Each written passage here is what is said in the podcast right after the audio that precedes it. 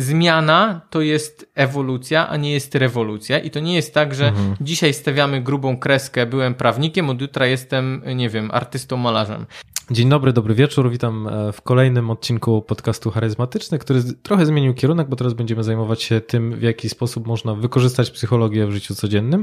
A dzisiaj będziemy gad e, gadać i rozmawiać o tym, dlaczego nie żyjemy tak, jak chcemy i jak już się zorientujemy, że coś jest nie tak, to w jaki sposób to zmienić.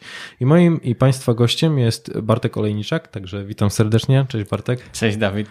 E, na samym początku przedstawię Bartka, więc słuchajcie, od ponad 10 lat związany e, z mm, pracą w charakterze pomocowej w, w HR-ach. Można, można tak, to, tak, powiedzieć, tak. Można tak to określić. Obecnie piastuję rolę HR Business Partnera. To jest taki pomost pomiędzy biznesem a organizacją, czyli taki człowiek, który rozumie jedną i drugą stronę i pozwala Dokładnie. im się po prostu dogadać jak, naj, tak e, jak najbardziej To jest ładne powiedzenie, takie pomost jak najbardziej, no, metaforyczne. Tak, bo ja pamiętam, że w momencie, kiedy ja pracowałem w organizacjach i korzystałem z e, jakby pomocy HR Business Partnerów, to oni właśnie mhm. byli takimi mediatorami, czyli rozumieli jedną i drugą stronę, czyli mhm. rozumieli mnie, z czym ja przychodzę i rozumieli też jakby takie wymagania biznesowe i jak to wszystko połączyć. E, co dalej? Mm, kolega po fachu, bo podcaster e, w, w podcaście Zwinność Osobista. Tak e, coach, ale w tym dobrym słowa znaczeniu e, i myślę, że taką najlepszą rekomendacją jest to, że ja też wybieram się na, na coaching do Bartka e, i cóż jeszcze, certyfikowany trener takiego badania kompetencyjnego DISC D3 mhm. i praktyk psychologii pozytywnej. Tak, po prostu wszystko. Powiedziałeś z każdej możliwej strony, więc przynajmniej tak zawodowo, więc e, super. Bardzo Ci dziękuję za to e, bardzo miłe takie przedstawienie. E, no i to, co ja jeszcze bym dodał, to to, że no, Martek ma dar rozmawiania z ludźmi na takiej indywidualnej płaszczyźnie, ponieważ za każdym razem, kiedy my się spotykamy, no to, to musimy sobie rezerwować bardzo dużo czasu, bo, bo czuć tą takie jakby o, to co ja bym określił, to twoim talentem jest to, że bardzo szybko odnajdujesz to, co jest w ludziach dobre i umiesz nawiązywać z każdym e, kontakt. Także o, myślę, że, że też dlatego chciałem z tobą porozmawiać o tym temacie, bo wiem, że będziesz w stanie też podpowiedzieć okej, okay, zorientowałem się, co, że coś tutaj nie działa i teraz zastanówmy się, jak, jak tym pokierować dalej, co, w którą stronę pójść. To jest bardzo indywidualny temat i pewnie tutaj będziemy pokrywali to w trakcie naszej rozmowy, że mhm. ilość, mnogość ścieżek i dróg jest tutaj olbrzymia, ale tak, rzeczywiście to wszystko wymaga takiego bardzo dużego skupienia na indywidualnej osobie, nie? bo ile osób, tyle dróg, tyle pomysłów, tyle ścieżek. Mhm. Dokładnie. Także będziemy próbowali i tak to rozwikłać i pomóc, pomóc jak największej ilości osób. E, dwa ogłoszenia e, na, na samym początku. Jedno jest takie, że zazwyczaj goście podcastu piją kawkę Czarny Owoc. To jest kawa produkowana przez Mateusza Ostręgę, który też był w podcaście e, w odcinku Jak żyć dłużej. No i druga rzecz, którą no, chciałem się pochwalić w związku z tym, że od kilku miesięcy prowadzę już swój gabinet psychologiczny, także już jakby mam swoją praktykę, więc przyjmuję, e, pracuję z ludźmi w, w kwestiach też e, trochę związanych z tym, o czym będziemy rozmawiać, bo, e, bo do mnie też przychodzą ludzie, którzy czują się wypaleni zawodowo i myślę, że to też stwarza mi taką mhm. przestrzeń do tego, żeby, żeby poopowiadać o tych kwestiach. Także jeżeli ktoś czułby, że wypala się zawodowo, ma kwestie jakby mm, i potrzebuję kontaktu ze specjalistą, to też zapraszam. Można mnie znaleźć na znanym lekarzu albo napisać po prostu maila na straszak.dawidmałpa.gmail.com e, No i słuchajcie, to co, przechodzimy do rzeczy? Zaczynamy, zaczynamy jak najbardziej. Ja chciałbym zacząć od takiej historii, która mnie mocno zaskoczyła, e, która w, wydarzyła się w momencie, kiedy ja odchodziłem z jednej z organizacji, w której pracowałem przez jakiś czas, czyli w, w takiej korporacji międzynarodowej. I to, co mnie zaskoczyło, to ja odchodziłem żeby zacząć pracować jako szkoleniowiec, czyli ludzie myśleli sobie, o, ja zawsze chciałem, szedłem w tę stronę, więc odchodziłem jakby poniekąd w taki, jako taki bohater, że ludzie, e, nie, nie mówię o tym, że to było jakieś wielkie osiągnięcie, ale chodziło o to, że ja miałem wrażenie, że to dało też ludziom nadzieję, że da się. Mhm.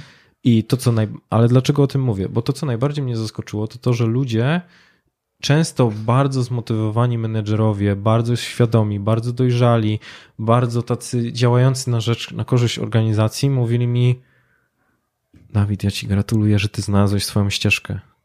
Ja tego bym chciał też dla siebie i mm, no szukam. I myślałem sobie, jak to? To to nie jest twoja ścieżka? I, no. I byłem zaskoczony tym, że mimo tego, że ludzie, to trochę jak w tym powiedzeniu, że jeżeli nie, nie spełniasz swoich marzeń, to spełniasz czyjeś. Mhm. E, I miałem wrażenie, że właśnie to co, to, co mnie zaskoczyło, to było to pełnia wkładanego wysiłku, poświęcenia właśnie dla kogoś, gdzie ci ludzie tak naprawdę nie, e, nie wierzyli, może nie wierzyli, no jakby to nie było ich spełnieniem mhm. marzeń. To, to, to było dla mnie takie pierwsze zaskoczenie i dlatego właśnie chciałbym, chciałbym dzisiaj e, pogadać w dzisiejszym odcinku o, o tak naprawdę pojawią się dwie, dwa pytania. Dlaczego my tak właściwie nie żyjemy, tak jak chcemy?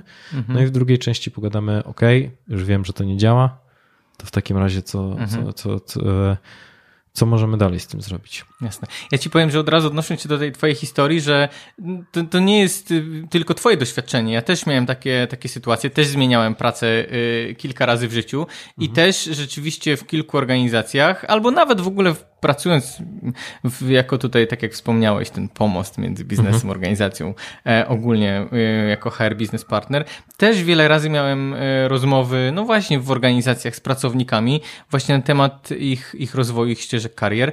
No i wiele razy te same, te same pytania się pojawiały i po prostu taki wielki, wielki znak zapytania w pewnym momencie w życiu u ludzi się e, pojawiał, albo właśnie taka obawa, bierność, żeby coś z tym zrobić mhm. dalej. Nie? Mhm.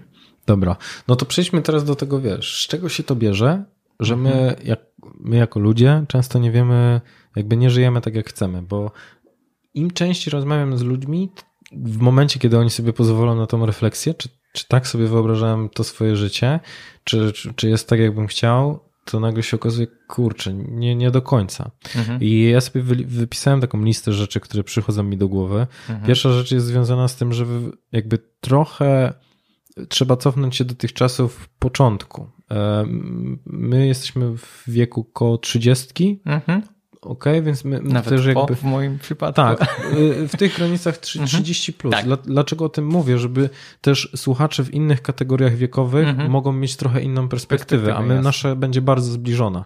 E, no więc wracając do kwestii w momencie, kiedy wybieramy studia, no to my najczęściej wybieramy studia z tego względu, że na przykład byliśmy dobrzy w jakimś przedmiocie, mhm. na przykład z chemii, no to zdajemy tą chemię na maturze i tym samym warunkujemy kolejne pięć lat naszego życia, albo nawet całą resztę życia, no bo mhm. wiążemy się z tą chemią, z tą chemią tak. w której po prostu byliśmy dobrzy i no cóż, wybieramy te studia, kiedy no jak, jak spojrzę na siebie, nie wiem, czy ty też jakby zgodzisz się z, tą, e, z tym stwierdzeniem, ale jak sobie pomyślę o 18-19-letnim mhm. Dawidzie, to no nie był to szatan logiki, tak. który dokładnie mhm. wie, co będzie chciał robić w życiu. Wręcz powiedziałbym, że te wyobrażenia na temat dorosłości, jak, jak porównam sobie to, jak sobie wyobrażam, mhm. a jak jest teraz, to absolutnie się to rozjeżdżało.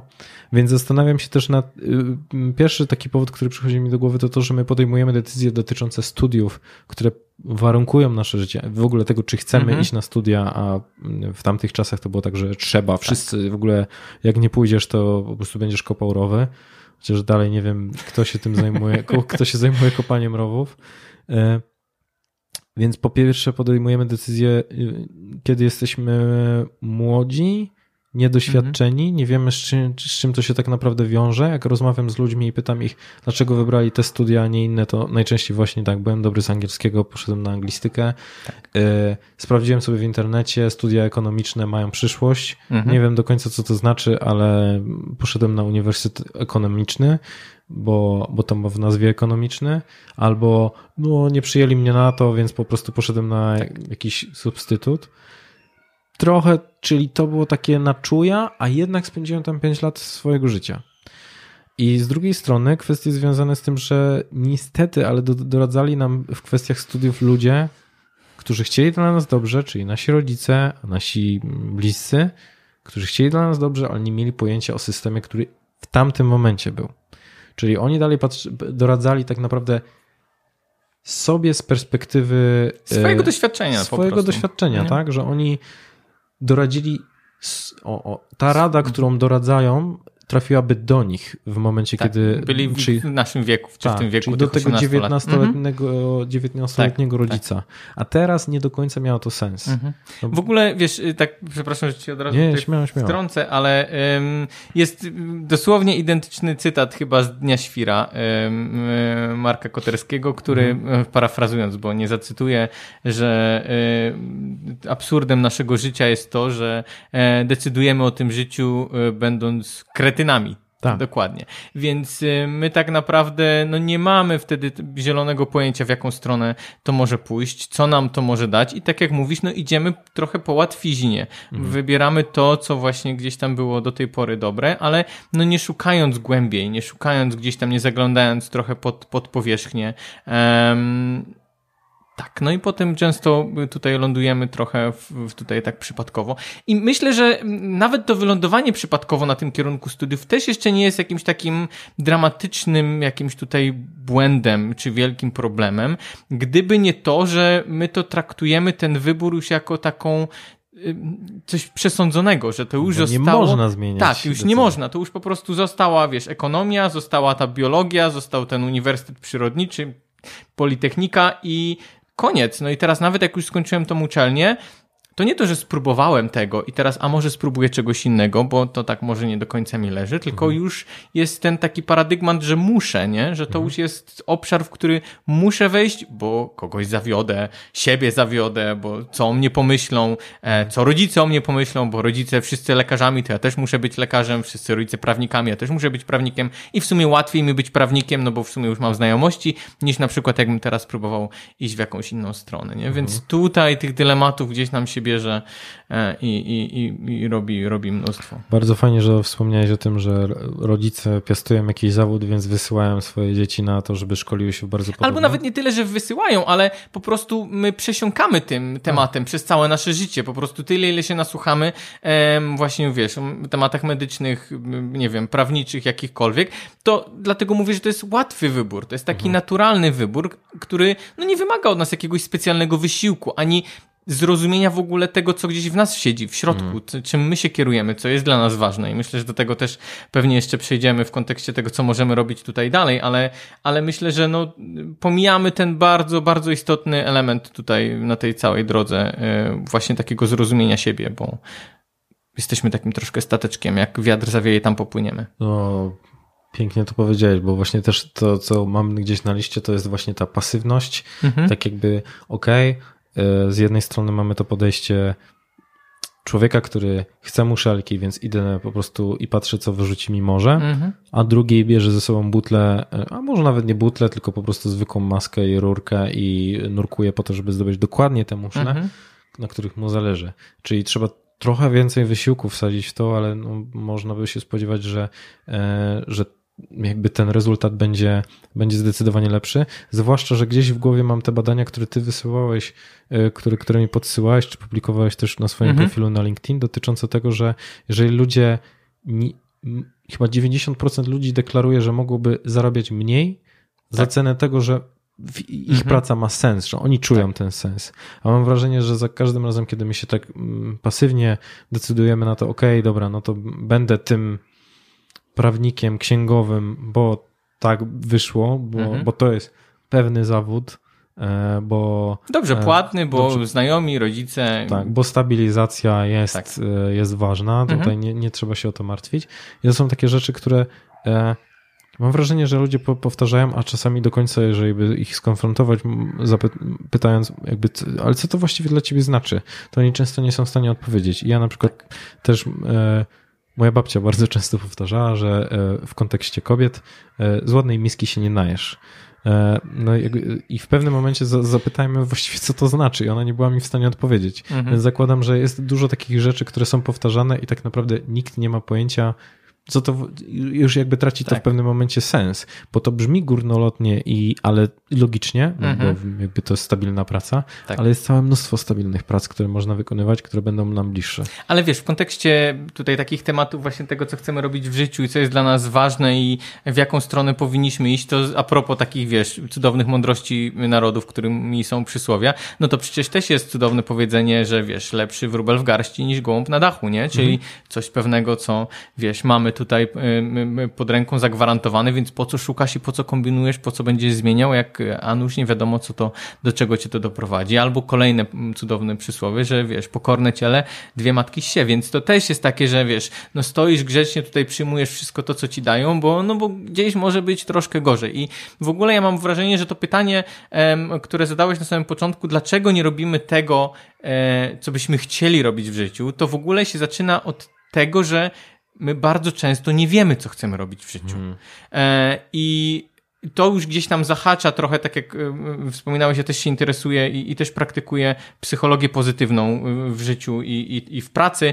E, Staram się wdrażać tutaj różnego rodzaju praktyki, e, interwencje z tym, z tym związane. No i widzę, że właśnie bardzo wiele osób nie ma po prostu tej podstawowej wiedzy na swój temat, czyli nie ma informacji i nie wie, co mi daje poczucie sensu, nie wie, co mi daje poczucie takiego zaangażowania w to, co robię, a to już niejako nam zahacza w ogóle o taki bardzo, wiesz, no szeroki temat tego, czym jest w ogóle szczęście w naszym życiu, tak? I co nam daje tą, tą, tą szczęście i to poczucie satysfakcji. I tutaj nadając trochę taki szerszy kontekst, tak jak mówisz, temu naszemu otoczeniu, rodzinie, mm, temu, dlaczego podejmujemy takie, a nie inne decyzje w życiu i tak dalej, to też trochę w tym temacie, a propos no szczęścia, które gdzieś nam się tutaj z tym wszystkim łączy, zostało przeprowadzone takie badanie w 2005 roku bodajże e, przez panią psycholog, zresztą ona jest e, szefową katedry psychologii na Uniwersytecie Kalifornijskim, e, Sonia Lubomirski. I ona zrobiła badanie, w którym sprawdzała, co spra-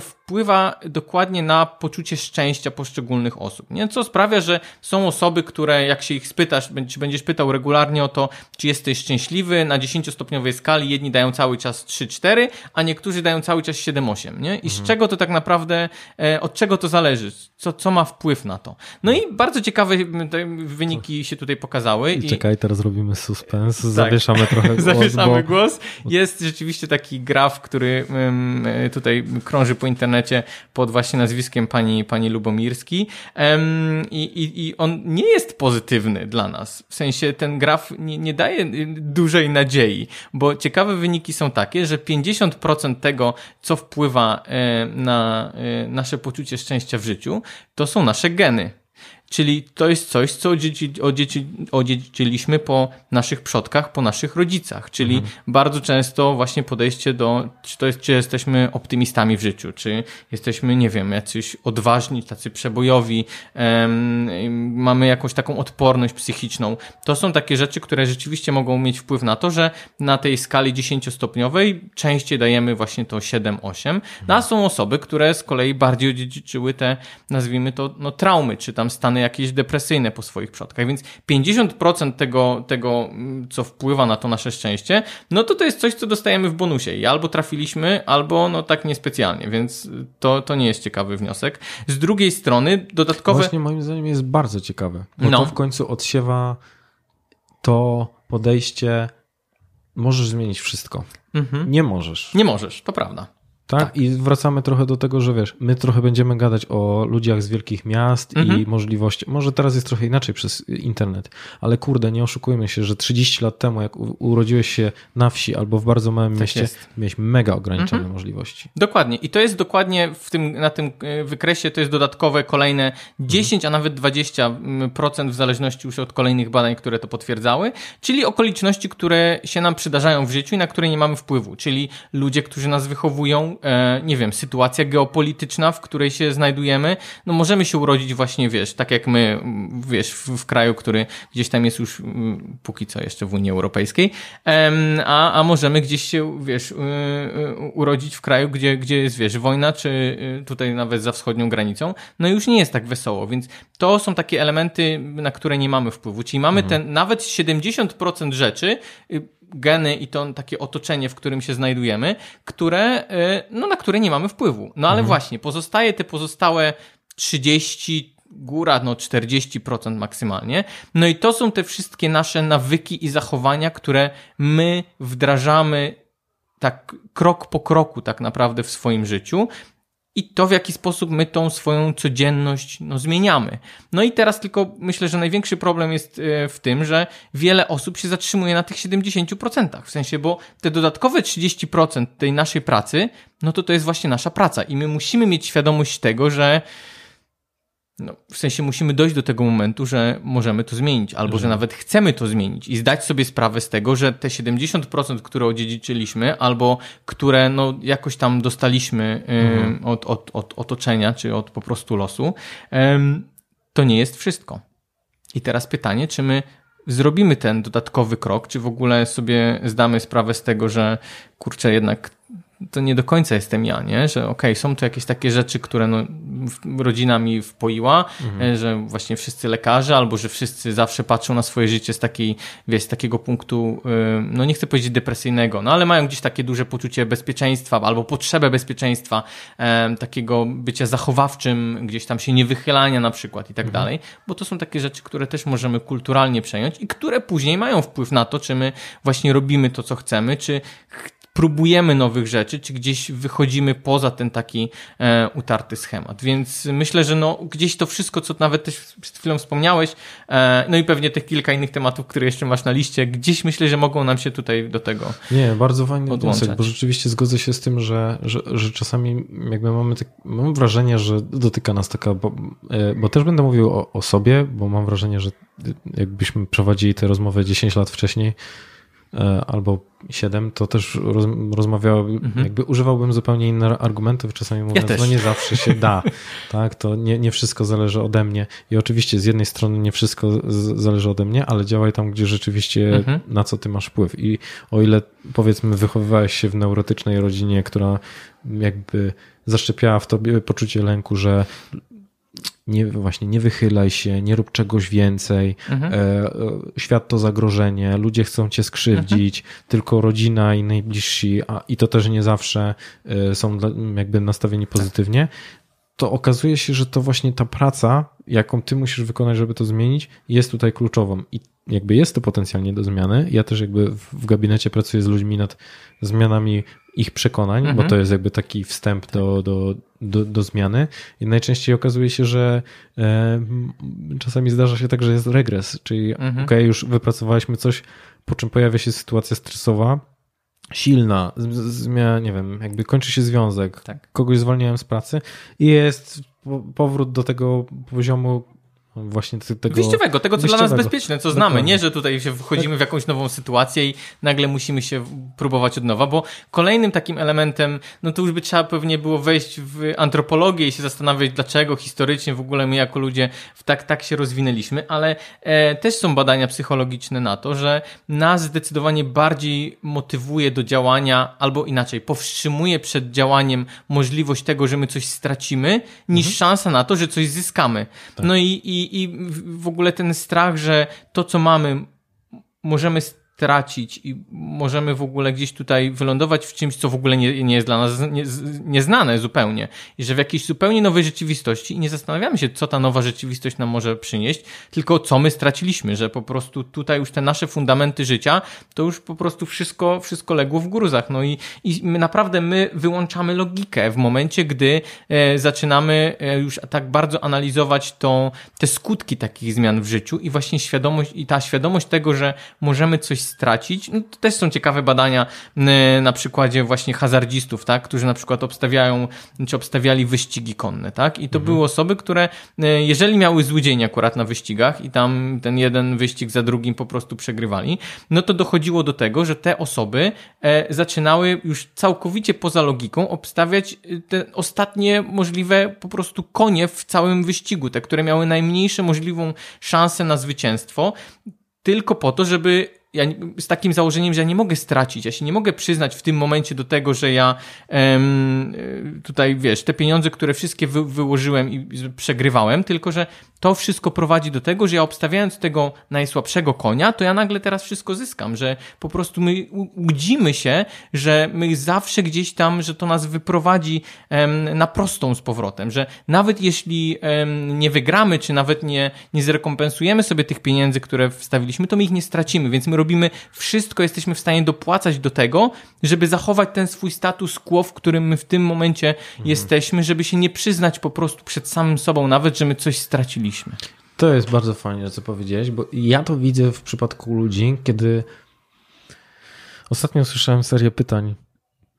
Kim jesteś? Mhm. Czego chcesz?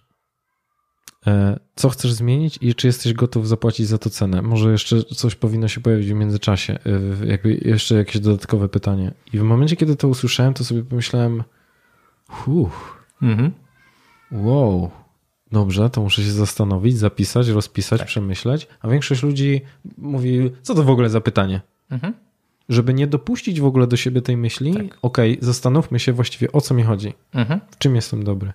I to jest też ciekawe, w momencie, kiedy ludzie mnie pytają, okej, okay, dobra, no to jakby gdzie warto byłoby, a dobrze, może nie będę rozwijał, wrócimy do tego przy kwestii, co, co, co zmienić. E, dobra, bo chciałbym jeszcze cofnąć mhm. się do tej kwestii rodziny, która ma na, tak. na nas wpływ. Ja też dodałbym do tego kwestie związane z tym, że pięć osób, z którymi spędzamy najwięcej czasu, ma na nas największy wpływ. Czy tego chcemy, czy nie. Mhm. I teraz, drodzy słuchacze i drodzy widzowie, zastanówcie się, chwila refleksji na to i jakie osoby, z którymi spędzacie najwięcej czasu, to mogą być te, z którymi po prostu pracujecie biurko w biurko albo e, stoisko w stoisko e, przez, przez 8 czy więcej godzin, czy to są te osoby, które chcielibyście, żeby tworzyły, jakby miały na was największy wpływ. Mhm.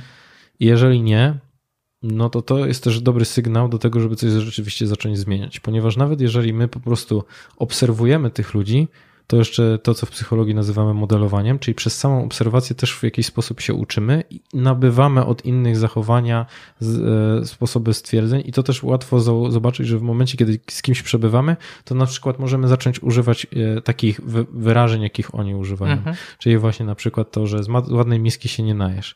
Nawet nie wiemy do końca, co to znaczy, ale może akurat no, w tym... Rodzina cała powtarza, więc my też powtarzamy. Stąd Dokładnie. się bierze korpomowa, bo wszyscy w korporacji czy w firmie mówią w taki sposób, więc my też jesteśmy częścią tej kultury, więc tak samo, tak samo o tym mówimy. Ale myślę, że e, kwestia tego, że rzeczywiście czasami no, na niektóre osoby, które nas otaczają, no nie mamy wpływu, tak? No nie mhm. mamy wpływu na naszą rodzinę, nie mamy wpływu na tych ludzi, z którymi gdzieś tam pracujemy, no ale jednak mimo wszystko możemy to swoje środowisko e, takich najbliższych nam osób, e, czy też takich, no nie chcę powiedzieć wzorców, bo to nie muszą być jakieś wzorce, takie autorytety wielkie, ale mhm. e, możemy dobierać swoich znajomych, możemy dobierać grupy, z którymi gdzieś tam przebywamy. Rodzinę też. Mam na myśli no to, tak. że możemy się odciąć od tej, która nie jest mhm. dla nas e, rozwojowa. I o tym się stanowczo za rzadko mówi i jakby chciałbym, żeby to też wybrzmiało, bo wkurza mnie całkowicie to, mhm. że ludzie mówią, no ale to rodzina. Mhm. Okej, okay, dobra, jakby ja rozumiem, że z jednej strony rodzice, e, jak wychowując ciebie, mogli sobie zafundować, znaczy weszli w inwestycje, gdzie zwrot z niej jest bardzo niepewny mhm. i nie wiadomo, czy, czy on będzie realny. Ale okej, okay, pytanie z drugiej strony, czy ty za cenę spłacania długu wychowawczego chcesz spędzić życie w sposób, który absolutnie tobie nie, jakby, mhm. czy, czy więcej nie oddasz tym rodzicom właśnie w ten sposób, że będziesz żył tak, jak, jak, jak sobie tego życzysz? Mhm. Czas... No to jest kwestia postawienia też granic odpowiednich, nie? Mhm. Bo można czasami rzeczywiście, jeżeli czujemy, że ten wpływ jest destrukcyjny i, i tutaj jest taka chęć y, założenia kopiuj w klej, że niespełnione ambicje naszych rodziców są przenoszone na nas, e, no to czasami rzeczywiście takie odcięcie może, może być konieczne, albo po prostu może być to czasami kwestia no właśnie tego, co, yy, co jest dla nas ważne, co jest dla nas właśnie kwestią, kwestią szczęścia i jasno zakomunikowanie tego, tak. nie? Więc, ale no żeby, żeby dojść do tego momentu, no my musimy wy wykonać tą pracę samodzielnie, bo yy, no te o 70-80% no my ciągniemy po prostu naturalnie i mhm. dopóki sobie nie zdamy z tego sprawy, to to nie ma tego momentu oświecenia, nie? Mhm. I też pamiętam, że kiedyś rozmawiałem ze znajomym na temat tego, tych stworzenia pięciu osób i wymienienia, no to niestety to nie jest nic przyjemnego, nic prostego, bo mhm. osoby, zwłaszcza im bardziej są negatywne, negatywnie nastawione i toksyczne, e, tym ba- bo dlaczego o tym mówię? Bo wystarczy, że słyszymy ciągle, karmimy się takimi, czyli pięć osób z naszym najbliższym przy- e, najbliższym kręgu ciągle powtarza, mhm. że w tym, pra, w tym kraju się nic nie da, nie można, mhm. że za każdym razem, kiedy ktoś awansuje, to jest ze względu na to, że, że oszustwo. Jeżeli ktoś otwa, e, otwiera, otwarcie własnego biznesu, to jest gwarant tego, że, mhm. że on zaraz upadnie. No to jeżeli my się karmimy cały czas takimi rzeczami, tak. to naprawdę nie wiem, jak trzeba być silnym i niezależnym człowiekiem, co myślę, że, że tutaj ta ugodowość w cechach osobowości jest tak nisko, że mhm. okej, okay, dobra, robię zawsze po swojemu, to, to te osoby pewnie nie słuchają tego podcastu. E, Może tak być. I jeżeli my przebywamy w takim środowisku, to po prostu ono ma tak ogromny na, na, na nas wpływ, że dopiero prawdopodobnie kiedy, w momencie, kiedy z niego wyjdziemy, to mhm. też zobaczymy całość tego, e, tego negatywnego wpływu. No ale pojawia się pytanie, okej, okay, dobra, e, wyjechałem do pracy, nie wiem, do, do Norwegii, przebywam z, no, z ludźmi, którymi nie chciałbym przebywać i nie mam wyjścia. Jeszcze będę tutaj pół roku, bo mam taki kontrakt, bo muszę odłożyć pieniądze na coś. Mhm. Okej, okay. co robić? No to ciekawą rzeczą, którą, którą ja proponuję ludziom, to jest to, żeby stworzyć sobie e, te pięć osób, z którymi spędzamy najwięcej czasu, sztucznie, czyli słuchać na przykład podcastów. Na przykład, dokładnie. Czytać książki określone, czyli jakby stworzyć sobie sztuczną więź z tymi mhm. osobami, które chcielibyśmy po, im pozwolić na to, żeby tworzyły nas. Tak, jak najbardziej. To jest świetny w ogóle pomysł, świetna, świetna idea e, i takie grono takich e, wirtualnych e, tutaj naszych mentorów na mhm. przykład z takiej perspektywy, to jest y, no tak, świetny punkt wyjścia i tak, tak, taki element do, do, do zastąpienia takich najbliższych relacji.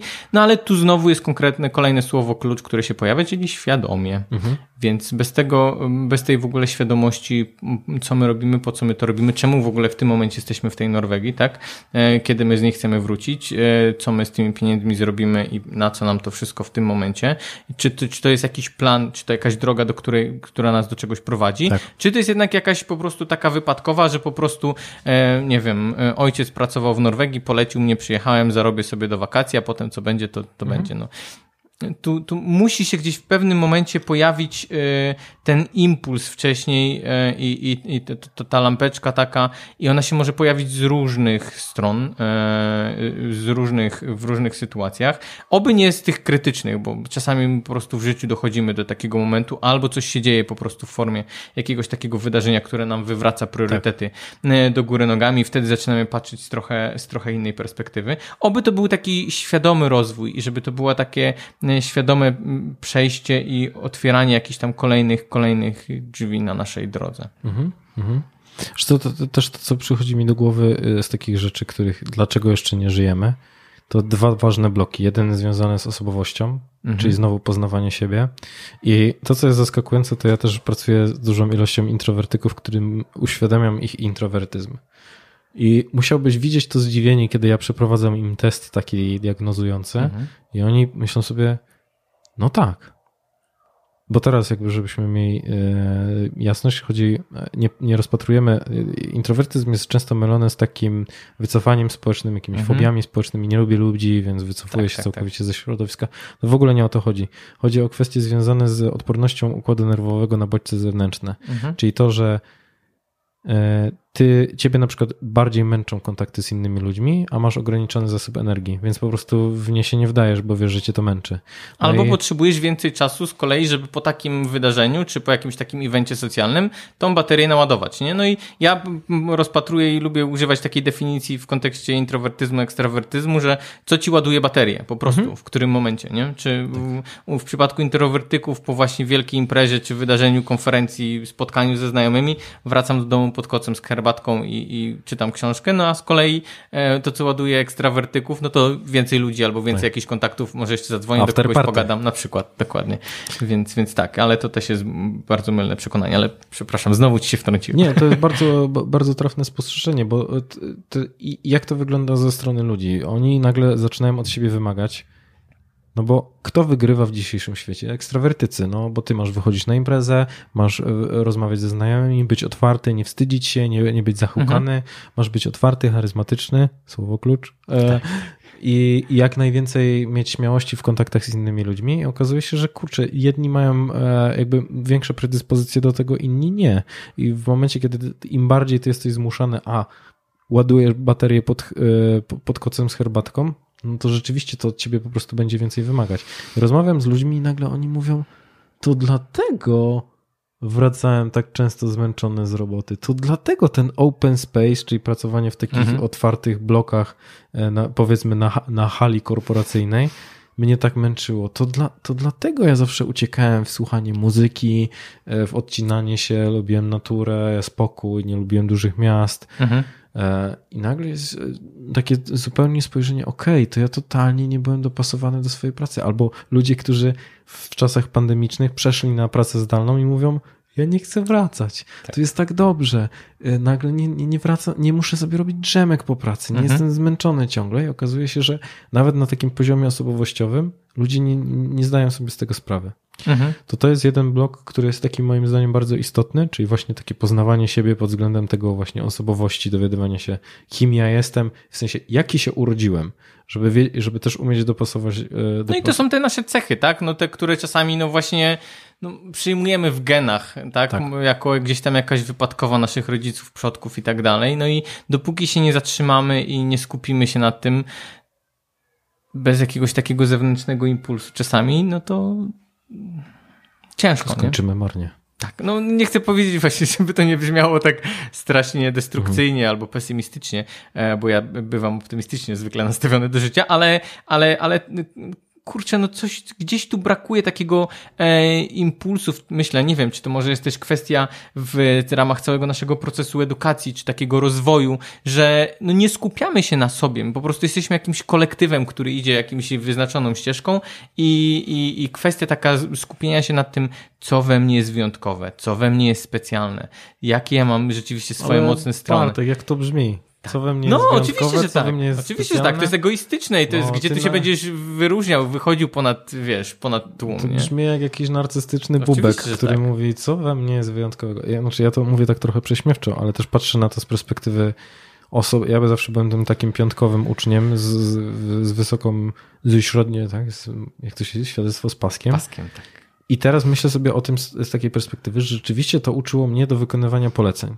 Mm. Że ja się właśnie no przecież dużo czasu poświęcałem na to, żeby się uczyć, więc ja nawet nie miałem czasu na tym, żeby, żeby pomyśleć, czy, w czym ja jestem dobry, mhm. albo w jaki sposób jestem wyjątkowy. No, no nie, no do roboty, nie? Tutaj masz jeszcze tyle do, do nauczenia się, to nawet, nawet mhm. się nie mhm. zastanawiaj.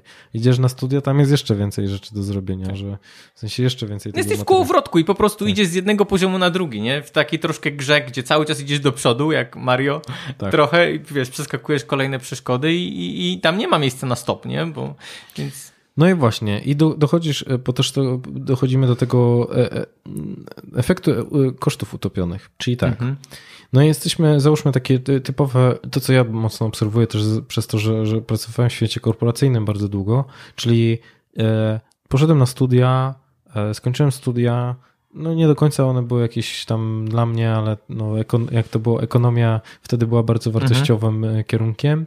E, poszedłem do korporacji, no pracuję w tej korporacji, no zaczynam zarabiać dobrze, 5, 10 tysięcy złotych, także już jestem zamknięty trochę w tej złotej klatce, no to już są bardzo duże pieniądze mhm. E, i nagle no, no w końcu mnie stać, więc bierę se kredyt, kupuję mieszkanie, mhm. kupuję auto i nagle pojawia się ta myśl, że kurczę, zostają zaspokojone te, te potrzeby i nagle okazuje się, że to nie jest to. Mhm. Że w tym pięknym y, szklanym budynku patrzę przez okno i czuję, że, że jednak nie, nie, nie spełniam się, ale ja już nie jestem w stanie zrezygnować, no bo zobowiązania są. Jest dwójka dzieci na utrzymaniu, e, jest kredyt do spłacenia, który wziąłem na 20 lat, e, jest ten samochód do spłacenia i oczywiście zaraz ktoś powie, że okej, okay, wszystko można sprzedać i mhm. zmienić podejście, ale myślę, że ogromnie ciężko jest podjąć że, że my się już tak uwikłaliśmy trochę mhm. w tą całą sytuację, że i, i wracamy do tego, że trzeba mieć ogromną odwagę, żeby powiedzieć: OK, dobra, wycofuję się z tego, zmieniam tak. to, bo to i znowu wracamy. Jak bardzo egoistyczne musi być to z punktu widzenia osób postronnych, bo jemu się nie podoba, to on teraz zmieni dobrą pracę. Mhm tak, i tutaj jest, jest, kilka wątków, które nam się otwierają. Z jednej strony to są te koszty utopione, o których wspomniałeś. Mhm. Z drugiej strony tu jest ta presja społeczna, e, tak. która gdzieś tam e, nam się jeszcze do tego e, wszystkiego, wszystkiego e, pojawia. E, mnie w tym rzeczywiście najbardziej teraz tak, tak mi się zapaliła taka lampka i, i zastanawia mnie to, w którym momencie rzeczywiście u ludzi się pojawiają te myśli i w ogóle dlaczego, co to jest za moment musi się wydarzyć w życiu człowieka, że rzeczywiście mając tą pracę, mając ten kredyt, mając to dziecko, mając ten super, mm, super samochód, nagle dostajesz, pojawia ci się w głowie to pytanie, że może to nie jest, to nie jest wszystko, nie? Może rzeczywiście... Wiesz co, ja też nie chciałbym, bo może, to, może tak mhm. przegiąłem z tym 5-10 tysięcy, bo to już, yy, wtedy to już jest łatwiej ale chodzi mi o na przykład takie sytuacje, gdzie rzeczywiście ludzie nie mają tego super samochodu, nie mają -hmm, tylko takie wyżyłowane mieszkanie okay. I rozjechany, e, ro, rozjechane punto I, I to też, to, tak, to też tak. tutaj wchodzi w grę. Jasne. Żebyśmy też, wiesz, nie, nie Tak, nie, nie odskoczyli za bardzo takiej A. średniej krajowej, żeby, żeby tutaj można się było z tym, z tym utożsamić. Natomiast no tak czy inaczej zastanawiam się, co może być tym powodem, e, czy tym, czy tym takim e, światełkiem, czy taką wątpliwością, która się pojawi. Może to być, zakładam, że po prostu właśnie tak jak mówisz, jakieś po prostu poczucie zmęczenia, jakieś takie wypalenie, które się w pewnym momencie pojawia, bo my za czymś gonimy, chcemy spłacać te kredyty, tutaj dziecko do przedszkola, e, drugie do żłobka, tutaj tutaj jeszcze właśnie, wiesz, jakieś tam rzeczy trzeba, e, raporty do pracy i, i, jakoś po prostu czujemy, że nam to nie daje, nie daje satysfakcji. Powody pewnie może być jeszcze kilka, kilka innych, które gdzieś tam się w tym wszystkim pojawiają. Natomiast znowu to jest to, co też wspominałem e, w kontekście tych badań, no my boimy się straty po prostu. Mhm. E, a po drugie, e, też to chyba usłyszałem w podcaście u Tima Ferisa, że jako ludzie bardziej wolimy być nieszczęśliwi niż niepewni. No, w sensie, no. E, więc na, naprawdę niepewność i to, że no mamy ten swój dom, to mieszkanie, pracę, e, czujemy się tam, wiesz, mamy gdzie wrócić, tam lodówka w miarę tam pełna, no nie głodujemy, między tym dziesiątym a dziesiątym dajemy radę.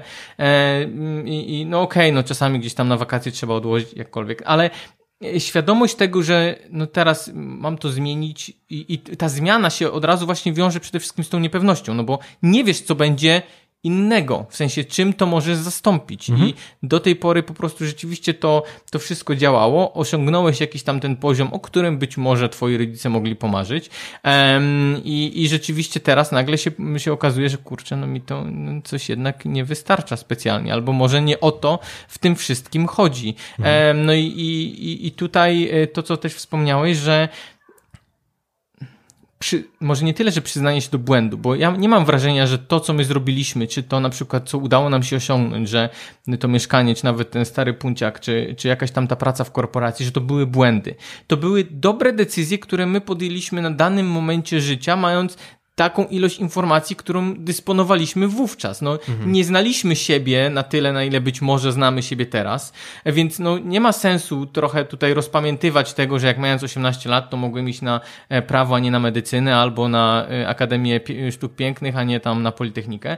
E, no, tego typu rozkminy no, nam niczego tutaj nie dadzą w tym momencie. Bardziej rzeczywiście pytanie, do czego nas ta wiedza, którą my mamy w tym momencie, teraz zaprowadzi i czy my będziemy w stanie sobie poradzić właśnie po pierwsze z tą presją, którą my sami czujemy, e, właśnie z tą możliwością straty, czasami wyimaginowaną, bo po prostu ta wizja nas po prostu przeraża i ten strach tego, że coś się może zmienić i my nie wiemy, co się zmieni i teraz to lepiej może, żeby się nic nie zmieniało, to w takim razie zostańmy w tym miejscu, w którym jesteśmy i w sumie nie myślmy o tym, co będzie dalej.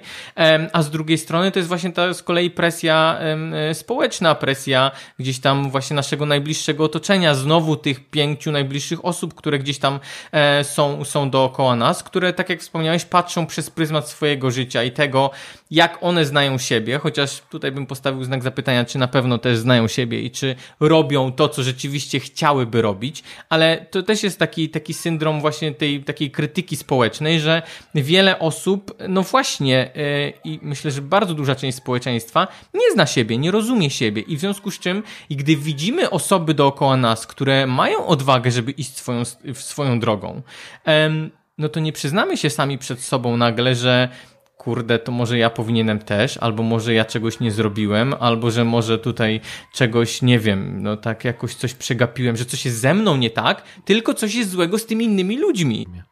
Więc tutaj, tutaj na pewno oswajanie strachu y, jest rzeczywiście istotnym elementem w kontekście mhm. właśnie takiej zmiany i niepewności y, w, w, tym, w tym, co ty mówisz, ale też myślę, że y, bardzo istotnym elementem oprócz właśnie w ogóle oswojenia strachu i tym, żeby w ogóle taką zmianę spróbować, podjąć i, i coś, coś w ogóle zmienić w swoim życiu, jakkolwiek małe by to nie miało być, to jeszcze istotnym elementem myślę jest w ogóle mm, przyznawanie się, czy w ogóle poddawanie się, bo to jest też taki, my mamy mamy takie poczucie, że jak ja teraz zrezygnuję z tej kariery, właśnie to jest trochę ci menadżerowie, o których wspominałeś na początku. Po tych 10 czy 15 latach pracy w tej jednej firmie na takim stanowisku, no to ja się poddam, nie? I że po prostu teraz ta cała. I, i, I, my bardzo często tą, tą swoją na przykład zawodową, e, tą karierę, którą do, wypracowaliśmy, to jest nasza tożsamość już w tym momencie. Więc my w tym momencie, w momencie, gdybyśmy chcieli teraz to zmienić, to jaką my tożsamość będziemy, kim my będziemy. Kim, tak, zwłaszcza, że ludzie się przedstawiają, kim jesteś, HR business tak, partnerem. Tak, dokładnie, najczęściej. Psychologiem. Dokładnie. To też pokazuje, wiesz, jak, z takiej perspektywy językowej, jakie to jest silne u nas. Dlatego dla mnie e, takim, takim pytaniem, ja lubię pytania, ja lubię mądre pytania i też Tim Ferris zadaje, zadaje dużo fajnych pytań i, i, e, i kluczem rzeczywiście jest to, co też wspomniałeś, że jak słyszysz jakieś takie pytanie i czujesz się, że ono ci robi coś takiego niekomfortowego w tobie, no to nie, że głupie jest pytanie, tylko naprawdę zastanów się, dlaczego ja się tak czuję, co mi to pytanie robi. Okay. I jednym z takich pytań jest rzeczywiście pytanie w kontekście, nie wiem, pracy naszej zawodowej, w kontekście naszych związków, w których jesteśmy. Czy to, co ja robię w tym momencie, ja robię, bo ja chcę, czy ja robię, bo czuję, że muszę? Mhm. I w momencie, gdy ty słyszysz to pytanie, i nasi słuchacze może też, ty momentalnie znasz odpowiedź. I albo ty, jak czujesz, że chcesz, to ty wiesz, że tak, ta praca mi daje frajdę, lubię, lubię to, co robię, czuję z tego jakąś tam satysfakcję, przyjemność, lubię w poniedziałki chodzić do pracy i tak dalej. W momencie, gdy ci się pojawia już takie pytanie, mm, e, coś tutaj, albo nie, nie tak, pytania, tak. albo tak, w sumie, w sumie to lubię, e, no to, to, to, to, już coś, coś nie gra, nie? I to pytanie właśnie możesz do różnych dziedzin w swoim życiu gdzieś tam, gdzieś tam przenieść. No i ważne jest, żeby się na tym pytaniu nie zatrzymać, tylko się zastanowić, co mi to robi. Mhm. Do czego mnie to gdzieś tam, co mi, co mi to mówi głębiej w środku, nie? Że skoro rzeczywiście czuję, że muszę albo właśnie się spotykać z tymi ludźmi, być w tym związku, chodzić do tej firmy, albo być w tym, a nie innym zawodzie, no to dlaczego tak? Tak. Czego tutaj nie ma w tym obrazku? Plus jeszcze wiesz, jak sobie to, o czym ty mówisz, czyli czy, czy, czy ja chcę, czy to jest moja decyzja, czy to jest presja. Ostatnio spotkałem się z liczbą, e, ze statystykami samobójstw wśród mężczyzn, które nie jestem przekonany, e, nie chcę tutaj dawać stuprocentowej gwarancji, że te liczby są dokładnie takie, jakich mówię, ale liczba tak, przede wszystkim faceci są bardzo skuteczni w, w, bardzo skuteczni w popełnianiu samobójstw w odniesieniu do tego, mhm. jak, jak e, popełniają samobójstwa kobiety. Plus ta liczba chyba jest dwa razy wyższa niż e, śmiertelność w wypadkach samochodowych, mhm. co pokazuje, że no, moim zdaniem to wynika głównie z tego, że jest ta presja tak silna, że za każdym razem, kiedy coś pójdzie nie tak, no to ja klikam reset. Tak. To jest jedyne wyjście. E, no my jako faceci w ogóle mamy problem z przyznawaniem się do e, błędów, no poddawanie się. Tak, a to już w ogóle społeczna presja, nie? W ogóle rozmawianie o emocjach, depresja, to tematy, które tutaj, wiesz, jeszcze w takim wątku właśnie stricte męskim, to, to, to, to nie istnieją, nie? Ty się nie możesz przyznać, wiesz, przed rodziną tak. czegoś takiego, nie? I to jest też bardzo ciekawe, i ja teraz chciałbym ośmieć wszystkich facetów do czegoś takiego, że większość e, moich klientów w gabinecie to są mężczyźni. Mhm. I teraz pytanie. Kto według Was ma większe jaja? Facet, który przychodzi i mówi: Mam wybuchy gniewu, chciałbym to zmienić, bo nie wyobrażam sobie, żeby moja żona miała takiego męża, mhm. a moje dziecko miało takiego ojca? Czy koleś, który drze się na swoją żonę i dziecko? Tak. No i to jest kolejne z takich właśnie pytań, które warto zostawić z chwilą ciszy. Nie? Mhm. Dobra.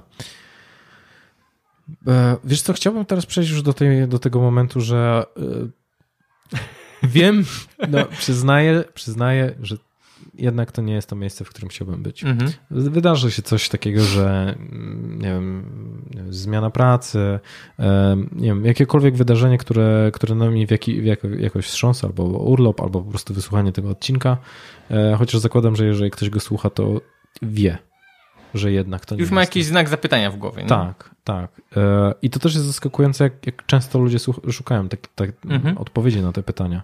Także dobra, ja już sobie uświadomiłem, czy słuchacze, czy, czy, czy widzowie, że coś, że to nie jest miejsce, w którym chciałbym być. I pytanie do ciebie.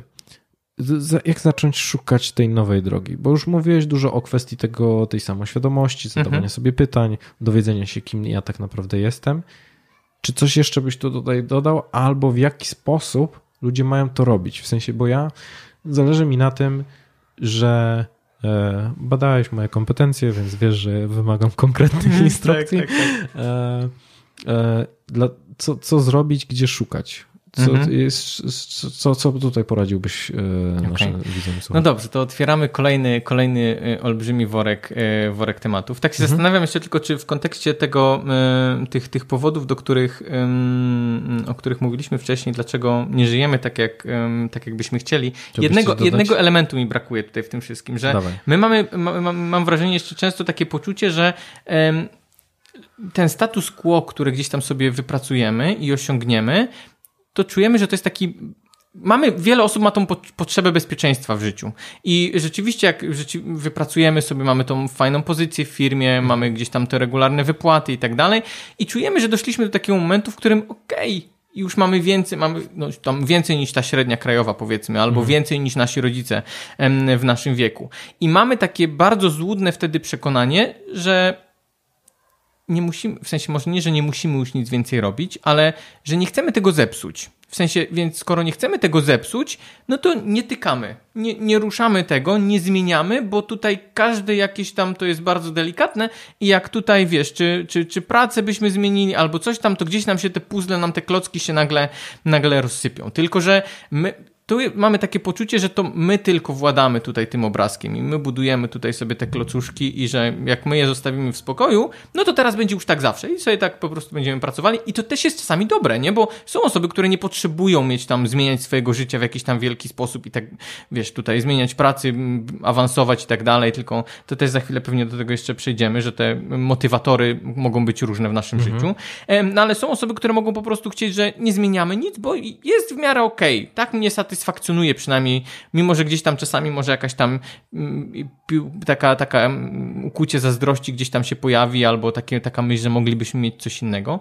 Nie ruszamy tego, bo boimy się, że to zepsujemy, tylko że nie uwzględniamy w tym wszystkim takiej myśli, że my żyjemy w takim świecie, który sam potrafi nam wejść do domu i nam po prostu to wszystko wywrócić do góry nogami. Już nie mówię o naprawdę jakichś wydarzeniach traumatycznych, czy jakichś takich zdarzeniach losowych, które mogą nam em, wywrócić nasze zdrowie, życie do góry nogami, czy, czy naszej rodziny, no ale no, żyjemy po prostu w takim wielkim eksperymencie psychologicznym w tym momencie w samym środku pandemii ilość eksperymentów i tutaj badań psychologicznych, które w tym czasie się odbywają teraz od, od, od tego lutego, marca 2020 to jest niesamowita, więc ciekaw jestem w ogóle, jakie, jakie będą wnioski za tych parę lat. Ale no właśnie, coś takiego się dzieje i my, ta, ta nasza, wiesz, budowana spokojnie, krok po kroku rzeczywistość nagle się rozsypuje i um, ciężko nam się, nam się jest w ogóle w tym, w tym odnaleźć i mimo tego, że mieliśmy takie poczucie, że jak nie będziemy ruszali, nie będziemy zmieniali, no to to wszystko będzie ok, a tu się okazuje, że jednak nie do końca. Więc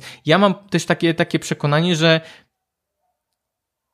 nie chcę, żeby to też źle zabrzmiało, ale że my musimy wprowadzać jakieś zmiany regularnie w swoim życiu i dopasowywać je trochę do tej rzeczywistości, w której my e, obecnie funkcjonujemy, no bo tak czy inaczej właśnie możemy to się są te obudzić. Czasy, kiedy możemy tak. sobie pozwolić na brak zmian. Dokładnie, że, że to, to nie jest już taka rzeczywistość, w której żyli właśnie nasi rodzice czy dziadkowie, że właśnie w jednej firmie przez całe życie, bo nagle nawet jak pracujesz w dużej międzynarodowej korporacji, ona może nagle podjąć decyzję, że przenosimy się do Indii i, i tak. wszyscy tak. idą e, na, na bruk i ludzie z właśnie z 10-15-letnim doświadczeniem menedżerskim, którzy swoją tożsamość z tym powiązali, e, nagle lądują totalnie w nowym środowisku i teraz, jeżeli mówimy nawet, wiesz, w bez pracy albo właśnie w domu, albo mają, są w roli kandydata w tym momencie do takiego nowego środowiska, więc e, tu myślę, że to też jest taki, taki wątek, może gdzieś, gdzieś też do tego, do tego za chwilę wrócimy, że e, mamy dobre pobudki, bo chcielibyśmy zachować to co,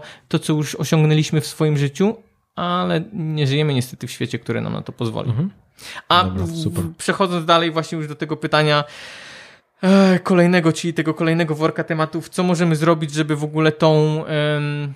ten sens swojego życia odnaleźć i, i jak tutaj w ogóle się za to zabrać, to ja znowu sobie pozwolę się nie cofnąć, tylko wykorzystać to, co nam daje psychologia pozytywna w tym temacie. Czyli w mhm. ogóle nauka i badania nad tym właśnie, co, y, czym jest szczęście i y, jak tutaj to szczęście w jakkolwiek subiektywny sposób rozumiany wprowadzić w naszym życiu. I jest też takie badanie, mnóstwo jest takich badań, ale jest taki model e, tak zwanego właśnie dobrostanu, który e, opisuje i pięć takich elementów, które są uznawane za kluczowe, żebyśmy mieli poczucie takiego rozkwitu w naszym życiu, żeby, mhm. żeby mieć poczucie, że, że, że rośniemy, że no, mamy to subiektywne, jakkolwiek zwane, zwane szczęście. No i na ten, na ten model e, tych, tych pięciu, pięciu czynników składa się po pierwsze pozytywne emocje, Czyli one, taka w ogóle optymizm, pozytywne emocje, jakaś radość,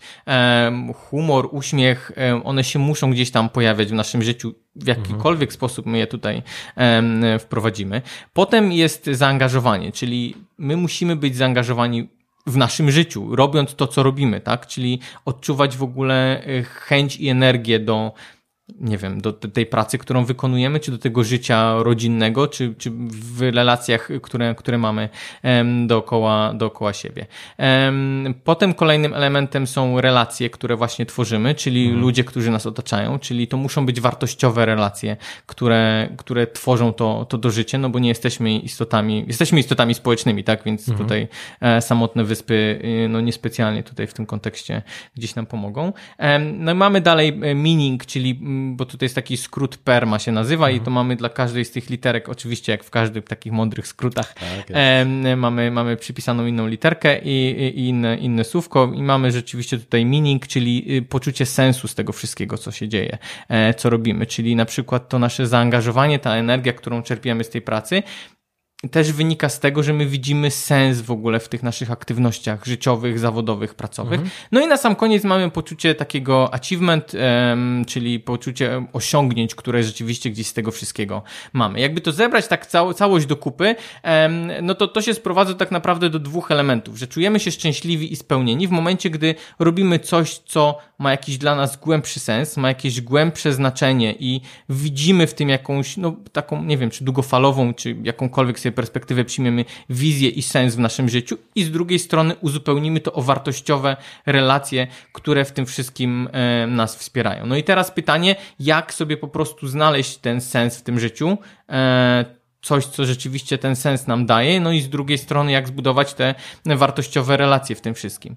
Więc e, tu mam poczucie, że mm, idziemy do takiego momentu, mm, czy to wszystko, wszystkie nas drogi prowadzą do wartości, które mamy w swoim życiu. I mhm. ja zajmując się tym, czym się zajmuję i prowadząc po prostu y, w organizacjach, wspierając pracowników i pomagając, tak jak mówiąc, mówiłeś ludziom, podczas sesji coachingowych.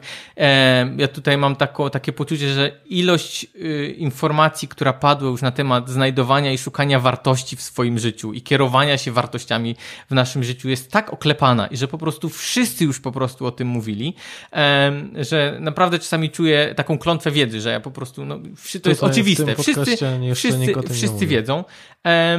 A, a to jest według mnie jakieś takie odkrycie, nie chcę powiedzieć na, na, na, na miarę y, Nobla, ale naprawdę life changing. I coś, co mi też osobiście bardzo wywróciło y, do góry nogami y, życie w momencie, gdy sobie uświadomiłem, co rzeczywiście jest dla mnie ważne, co jest moją wartością, ale wartością w takim kontekście, że co wpływa na to, że podejmujemy takie, a nie inne decyzje w naszym życiu, co nas kieruje w, w, daną, e, w, w danym kierunku albo właśnie w danym obszarze, co jest naszym drogowskazem. I myślę, że no okej, okay, jak spytamy się kogoś, co jest dla ciebie ważne w życiu, no to bardzo często możemy usłyszeć, no tam, tam rodzina, praca, kariera, e, pieniądze, ale co dokładnie przez to rozumiesz, nie? Bo mhm. ilość tak naprawdę wartości. Albo myślę, że zadałbym pytanie, dlaczego?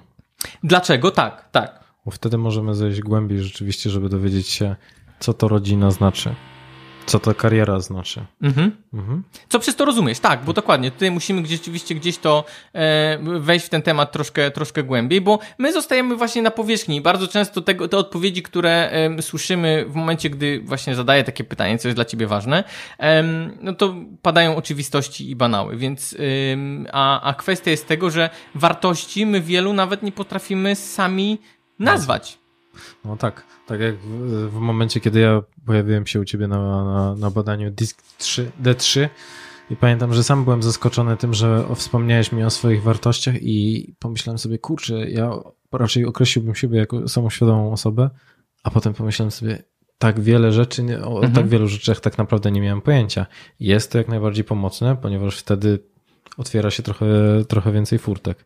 Czyli pytanie, co jest dla mnie ważne i takie, co to dla mnie znaczy, dlaczego schodzimy jak najgłębiej. No y, tak, no, myślę, że tutaj y, do, do tego tematu wartości możemy podejść y, w różny naprawdę sposób. Najprostszy możliwy to naprawdę można wpisać sobie w Google listę wartości i, i naprawdę zobaczymy tam listę 50, 60, 100 naprawdę różnych określeń, które mogą być ważne dla różnych osób albo dla nas i możemy mhm. naprawdę na takim bardzo podstawowym etapie sobie ją przejrzeć i się zastanowić, które z tych elementów rzeczywiście robią robotę dla nas i czym my się kierujemy w podejmowaniu różnych kolejnych decyzji w swoim życiu. Więc myślę, że te wartości to jest na pewno pierwszy pierwszy krok, od którego ja bym w ogóle zaczął w ogóle poszukiwanie tego, tego całego sensu, bo mhm. to jest coś, to są te kierunkowskazy, które wyznaczają nam tą drogę, mając świadomość tego, że dla mnie na przykład najważniejsza jest, y, może nie tyle, że na przykład, nie wiem, rodzina, co na przykład bliskość, odwaga, może być, y, nie wiem, życzliwość albo przygoda. Mhm. E, to mogą być naprawdę mnóstwo różnych elementów i teraz pytanie, w jaki sposób my je realizujemy w swoim życiu i czy my w ogóle je realizujemy, czy one są w naszym życiu e, obecne w jakikolwiek sposób. I to mhm. jest coś, co ja też e, wspominałem wcześniej, że mogą być też osoby, które i to też jest taki, taki wątek, który jest rzadko poruszany, że mogą być osoby, które mają poczucie, że właśnie cały świat gdzieś idzie do przodu, yy, widzą na Instagramie tych super ludzi, którzy gdzieś tam, wiesz, yy, mają mega super sylwetki, jeżdżą po świecie, w ogóle robią świetne kariery i mają poczucie, że gdzieś zostają yy, w tyle. Miałem takie osoby właśnie też na coachingach, y, które y, ostatecznie jak usiedliśmy właśnie do ich wartości, to się okazywało, że dla nich kluczem były relacje, były przyjaźnie, była właśnie rodzina i one nie potrzebowały tak naprawdę tutaj dla nich, okej, okay, miały, miały tam swoją pracę od tej 8 do 16, byleby mieć rzeczywiście na życie, ale kluczem dla nich było to, co się dzieje na przykład po pracy, to, co mhm. się dzieje, że mają rzeczywiście te spokojne, wolne popołudnia, tak. że wolne weekendy i tak dalej. Więc zrozumienie tego fundamentu, na którym zbudowane jest nasze życie, no to według mnie to jest y, punkt, punkt wyjścia do wszystkiego. Definiuje co dalej. Mhm. Super. No. Co jeszcze?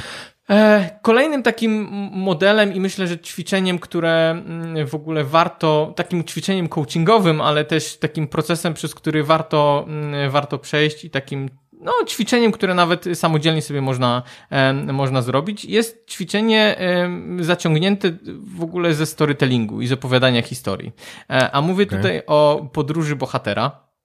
I to jest, y, to jest y, takie narzędzie, taki proces, który został opisany w ogóle przez Josepha Campbella i, i on rzeczywiście zebrał historię z całego świata i zobaczył, co je tak naprawdę łączy. Stworzył podstawę takiego mitu czy historii, opowieści, które, którymi my się tutaj w ogóle posługujemy na co dzień. Od Homera, Odysei, Iliady, przez Biblię, przez wszystkie bajki, baśnie i legendy, aż po Władcy Pierścieni, Star Warsy i wszystkie obecne Marvele i tak dalej. Mhm. Wszyscy bazują na tym samym schemacie opowiadania historii. No i teraz tutaj kolejny, wiesz, suspense właśnie, jak to w ogóle się ma do, do naszego życia życia, do znalezienia mhm. sensu w życiu i w ogóle do zmiany e, naszego życia. Więc e, ogólnie w podróży bohatera i w każdej historii, w każdym filmie chodzi o to, że no, ten bohater, którego mamy na początku książki czy na początku filmu, jest zupełnie inny bohaterem niż tego, którego mamy na końcu filmu. Mhm. E, I ta cała jego podróż zwykle na przestrzeni, czasami nawet reklamy, na przestrzeni książki, e, jakiejśkolwiek opowieści, e, to jest taka droga y, zwykle 12 kroków. One mogą się tam być czasami połączone, one mogą się gdzieś tam jakoś zamieniać kolejnościowo, ale ogólnie ta cała podróż składa się z takich 12 kroków. Ja pokrótce może teraz powiem, y, jak te kroki wyglądają y, i na pewno w, gdzieś tam wszędzie będziecie sobie w stanie to przypiąć do, do każdego, tak jak mówię, filmu czy historii, której, o której słyszeliście. Ogólnie podróż bohatera zaczyna się w normalnym, codziennym świecie, tak? Znajdujemy się w jakimś, w jakimś konkretnym miejscu w czasie i przestrzeni, mamy jakiegoś bohatera, który sobie wiedzie spokojne życie. E, I nagle coś się dzieje. Pojawia się tak zwany zew przygody, czyli pojawia się jakiś problem, konflikt, coś się nagle tutaj zmienia w życiu tego bohatera, że on dostaje jakieś nagle wyzwanie. Mhm. E, I coś teoretycznie powinien zmienić w sobie. Dostaje taki pierwszy impuls do, do tej zmiany. Zazwyczaj pojawia się u tego bohatera opór. No właśnie, a propos tej całej naszej zmiany, tych naszych dyskusji, tego, no, że my nie specjalnie, jak jest coś nowego, to boimy się ryzykować tutaj tego wszystkiego, co gdzieś tam, co gdzieś mieliśmy do tej pory, tak? Tutaj Hobbit i Władca Pierścieni są najlepszym przykładem, nie? Że pojawia się e, tam czarodziej Gandalf i bierze nam tutaj, wiesz, e, biednego Bilba i chce go wyciągnąć na przygodę do, e, i walczyć ze smokiem. I on tak niespecjalnie, nie? No ale później ostatecznie bardziej przez też kontakt trochę z tym mentorem i to jest kolejny etap na tej drodze, że ten mentor przekonuje jednak tego, tego bohatera, wyposaża go w umiejętności, wiedzę, w doświadczenie, dzięki czemu on się robi bardziej pewny i świadomy siebie, no i na tą podróż się jednak wybiera, tak? I idzie i gdzieś tam się testuje dalej. No i na tej drodze poznaje, e, rzeczywiście testuje swoje umiejętności, pojawiają się kolejni sprzymierzeńcy, pojawiają się kolejni wrogowie, gdzieś tam jakieś potyczki po drodze, gdzieś ten bohater się e, rozwija. Idzie, ostatecznie gdzieś tam się ta, droga prowadzi no, do jakiejś walki z tym antagonistą, którego mamy gdzieś tam e, cały czas z tyłu głowy, do jakiegoś tego wielkiego konfliktu, który nam się tutaj pojawił i, i krąży nad całą opowieścią. No i ten bohater się z każdym kolejnym krokiem, z każdym kolejnym pojedynkiem zbliża do tej jaskini tego, e, tego wroga, e, z którym ma ostatecznie gdzieś tam walczyć. No i ostatecznie, ostatecznie, to jest dopiero połowa drogi tak naprawdę, do tej jaskini trafia i zazwyczaj przegrywa. I to jest gdzieś taki moment, który jest takim elementem szokowym, że pomimo tego wszystkiego, że tych umiejętności, tej właśnie całej nadziei na to, że e, tyle przygotowania, krwi, potu w to włożyliśmy, no to wpadamy po prostu w totalny ten dołek i załamkę z tego wszystkiego, nie? Że mhm. po prostu bohater jest uwięziony, blisko śmierci, gdzieś tam czasami, gdzieś tam inni przyjaciele, sprzymierzeńcy giną i, i w ogóle jest czarny dramat. i, I to jest bardzo często też taki e, moment, po którym no ten bohater próbuje dojść do siebie. No i zaczyna wracać teoretycznie, próbuje wrócić do tego swojego normalnego życia z takim uczuciem e, trochę porażki. Ale to doświadczenie, które on zdobył przez te mniejsze gdzieś tam porażki, konflikty, jakkolwiek i przez to wielkie cierpienie, z którym się zetknął, no wyposażają go w tak zwany, no wiesz, tam specjalny miecz na przykład w, w tej całej historii, w tej całej opowieści. Czyli taką super umiejętność, takiego super skilla, z, którym, który, z którego on nawet sobie nie zdaje sprawy w tym momencie. No i on on próbuje wrócić do tego swojego normalnego życia, no ale jednak gdzieś tego bohater, tego antagonisty nie pokonał. No i em, w pewnym momencie dochodzimy jednak gdzieś do tego ostatecznego konfliktu, w którym ten e, nasz bohater wykorzystując te swoje dotychczasowe porażki, pokonuje tego, tego e, czarnego, ten czarny charakter, e, dzięki właśnie też tym wszystkim umiejętnościom, które zdobył, no i z jakimś super eliksirem wraca do tego punktu wyjścia, do tego swojego świata, który gdzieś tam e, stworzył. No i to jest cała jakiś taki schemat w ogóle opowieści, który mamy w różnych historiach, które słyszymy. I teraz pytanie w kontekście tej całej naszej zmiany życiowej e, i tego, co się w naszym życiu dzieje, widząc ten schemat, słysząc tą historię, czy oglądając jakikolwiek film, pytanie się pojawia, w którym momencie tego procesu zmiany ja jestem. Mhm czy ja jestem w tym momencie, gdzie jest ten sobie super taki spokojny świat i nic się nie dzieje? Czy może to jest ten moment takiego, że coś już się tutaj zepsuło nagle i jakiś się pojawił problem? E, czy może ja jestem właśnie teraz w tym rozkroku takim i to jest ten najczęstszy moment, o którym my chyba dzisiaj mówimy, że e, widzimy, że coś nam nie gra, ale niespecjalnie wiemy, co tutaj zrobić, tak? Czyli w jaką stronę z tym, z tym dalej pójść? czy może już gdzieś jesteśmy dalej, tak? Mhm. I w tej całej, to na co chciałbym zwrócić uwagę właśnie w tej całej, w tej całej trasie, bo tak jak wspomnieliśmy, najwięcej osób może być gdzieś tam na początku tej drogi, chociaż to też nie jest powiedziane, że może się wahać, czy w ogóle iść w tą zmianę, iść w tą w ogóle przygodę, czy podejmować to wyzwanie. Ale dwa kluczowe elementy w tej całej historii i w tej całej drodze, o których warto pamiętać, to jest właśnie po pierwsze to spotkanie z mentorem o którym my totalnie zapominamy. Tak. To jest coś, co występuje w każdej historii, w każdej bajce, filmie, no jakkolwiek. E, I nie ma bohatera, który nie miałby mentora, który go przygotuje na te zmiany, który mu pokaże pewne rzeczy, który mu uświadomi jego mocne strony, jego umiejętności, albo go gdzieś tam przetrenuje, nie? Czy to mhm. będzie Morfeusz w Matrixie, czy to będzie Albus Dumbledore tam w, w Harrym Potterze, czy ktokolwiek, ktokolwiek inny. My mamy takie poczucie przez bardzo długi okres czasu i dużą część naszego życia, takiego 3-4 latka, że ja sam, i po prostu, wiesz, samodzielnie w to wejdę, samodzielnie sam wszystko ogarnę, sam wszystko to zrobię a my tego nie zrobimy samodzielnie, bo w sensie możemy, może być jakaś duża część taka e, rzeczy, którą jesteśmy w stanie zrobić i sami sobie przeprocesować, ale tak jak trochę mówiliśmy o tych pytaniach takich niekomfortowych, tak, mhm. które jak usłyszysz jakieś takie pytanie, że ktoś się pyta, kim jesteś, no to palniesz, machniesz ręką i mówisz, głupie pytasz e, i w ogóle głupie pytanie i nie ma sensu, ale jak już siedzisz z kimś i na przykład, no, może to być, wiesz, osoba, terapeuta, coach, mentor, ale nawet ktoś bliski, jakiś taki naprawdę zaufany przyjaciel,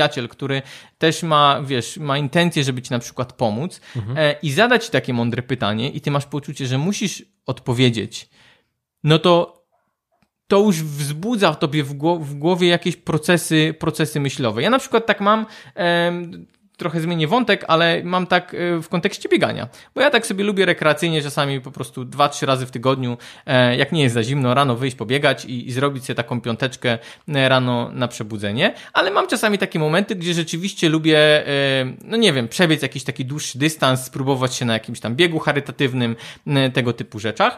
I fajnie tak mówię, że no to nie jest to jakaś moja piąteczka, tylko czasami 10, 15. Zdarzyło mi się jakiś tam półmaraton i i w tych sytuacjach mam znajomego, który yy, no, nie biega zawodowo, ale biega naprawdę profesjonalnie i, i trenuje ostro. I wiem, że ja, jak mam takie biegi, które właśnie chcę sobie trochę podnieść poprzeczkę, to dzwonię do niego i się umawiamy właśnie na to, że albo pobiegniemy razem, albo że on mnie do tego przygotuje, bo ja potem klnę w myślach, jak my biegniemy razem. Ja go po prostu, y, to jest dla mnie, wiesz, powyżej mhm. jakiegoś takiego mojego e, schematu codziennego, czy takiego, takiej normy e, wysiłkowej. Ale ja po tym biegu godzinnym, półtora godzinnym, ja wiem, że ja albo nie, nie osiągnąłbym takiego, takiego rezultatu, e, takiego wyniku, bo on wie, jak mi tą poprzeczkę podnosić krok po kroku, jakie tempo dopasować, żeby jak rozłożyć te siły na półtorej godziny biegu, żeby to zagrało, bo ja pewnie bym po 45 minutach uznał, że nie, to już nie dam rady, to już mhm. nie ma sensu, nie? Więc to wsparcie, które gdzieś tam, z którego my bardzo często rezygnujemy, może być jednym z tych naprawdę kluczowych elementów i znowu wyciągnięcie ręki do kogoś i poproszenie o, o wsparcie, czy to będzie jakaś naprawdę pomoc profesjonalna, czy naprawdę jakaś zaufana osoba, która może nam w tym pomóc, e, bliska, którą wiemy, że, że ma dobre intencje i która no, nie będzie nam źle życzyła albo podcinała skrzydeł, no to myślę, że tutaj e, to jest, to jest, to może być kluczowy element. I druga rzecz, czyli ta jaskinia tego nieprzyjaciela, kiedy my dostajemy za przeproszeniem pierwszy raz po dupie, tak porządnie naprawdę, kiedy mm. mamy poczucie, że wszystko się sypie, wszystko się wali, w ogóle po co mi to było, było, trzeba było siedzieć w domu i się w ogóle nie ruszać i wszyscy mi mówili, że tak będzie i koniec. E, I wiele osób po prostu zostaje w tym momencie, nie? Albo mhm. mówię, to wracam, nie? Pierdzielę, nie robię i już wystarczy mi, nie? E, I, i, I jeżeli mamy jakiś plan B, no to jeszcze super przynajmniej mamy, no ale tu znowu warto mieć kogoś, kto nas gdzieś albo poprowadzi, nakieruje, żeby nie być w tym, no bo no to jest dołek, nie? To jest, to jest taka mocna i ostra sytuacja, której chcieliśmy uniknąć i której mieliśmy nadzieję, że no w niej się nie znajdziemy idąc na tą, na tą przygodę i na tą zmianę, bo gdzieś tam się jej baliśmy. Więc e, kwestia wyjścia z tego dołku i zastanowienia się, czego ja się dzięki temu nauczyłem i jak ja teraz to mogę wykorzystać dalej, mhm. no to, to, już jest, to już jest kolejna, kolejna droga w tym wszystkim. I powiem Ci, że jeżeli tak kurczę słuchałem tych 12 kroków i sobie pomyślałem... Nie wiem, czy wszystkie pokryłem, ale tak starałem się Jakby to nie ma obrazowo. No. znaczenia, no. tylko chodzi mi o to, że w pełni się zgadzam z tym, o czym opowiadałeś, bo jak sobie przypominam swoją drogę przejścia właśnie, wiesz, zrezygnowania z korporacji, najpierw do jednej firmy, a potem właśnie otwarcia swojej działalności, to myślę sobie o tym, że tak, mentor jest kluczowy i to nie musi być jedna osoba, mhm. bo ja bym powiedział, że nawet wracamy do tych pięciu osób, czyli środowisko tak. ludzi, którzy są w podobnym nastawieniu, robią podobne rzeczy.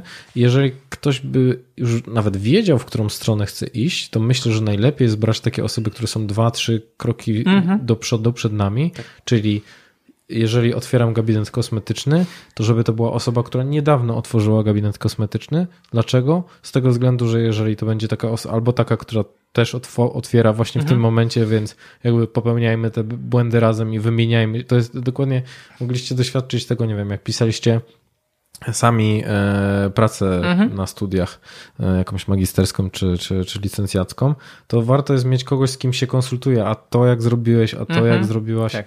E, więc to jest jedna kwestia, żeby, albo jeżeli ktoś jest 10 kroków, to już totalnie nie pamięta mhm. i będzie, o, ja nie miałem takich tak, problemów, tak, tak, tak. wszystko wychodziło. A tutaj ta osoba może nie mhm. mieć problemu z tym, żeby dzielić się takimi rzeczami, co, co, co, co nie poszło, na co zwrócić szczególnie uwagę. Druga rzecz, która myślę, to to, że mi bardzo pomogła ta książka e, Przeskok. Mhm. E, jak rozwinąć własny biznes, kiedy wciąż pracujesz na etacie. I to jest bardzo fajne podejście, bo jest pragmatyczne. I tam jest jakby taka konkretna instrukcja, co zrobić, na co zwrócić uwagę, nawet właśnie bardzo dużo jest o wartościach, o osobowości.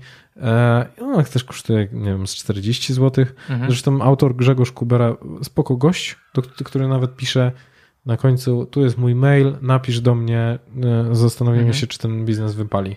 Super. E, a druga z takich rzeczy, czy to, to kolejny mentor, czyli może być mhm. książka.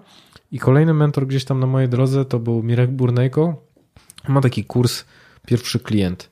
I to jest w ogóle bardzo ciekawy koncept, bo on gwarantuje w kursie online coś takiego jak, z, że gwarantuje ci, że jeżeli zastosujesz jego metodykę, to znajdziesz pierwszych klientów i i to jest takie podejście bardzo bezpieczne, bo to, mhm. to, czego ja bardzo nie lubię, to jest ok, dobra, rzucamy się w przepaść i tam zmontujemy, zmontujemy spadochron po drodze. Mhm.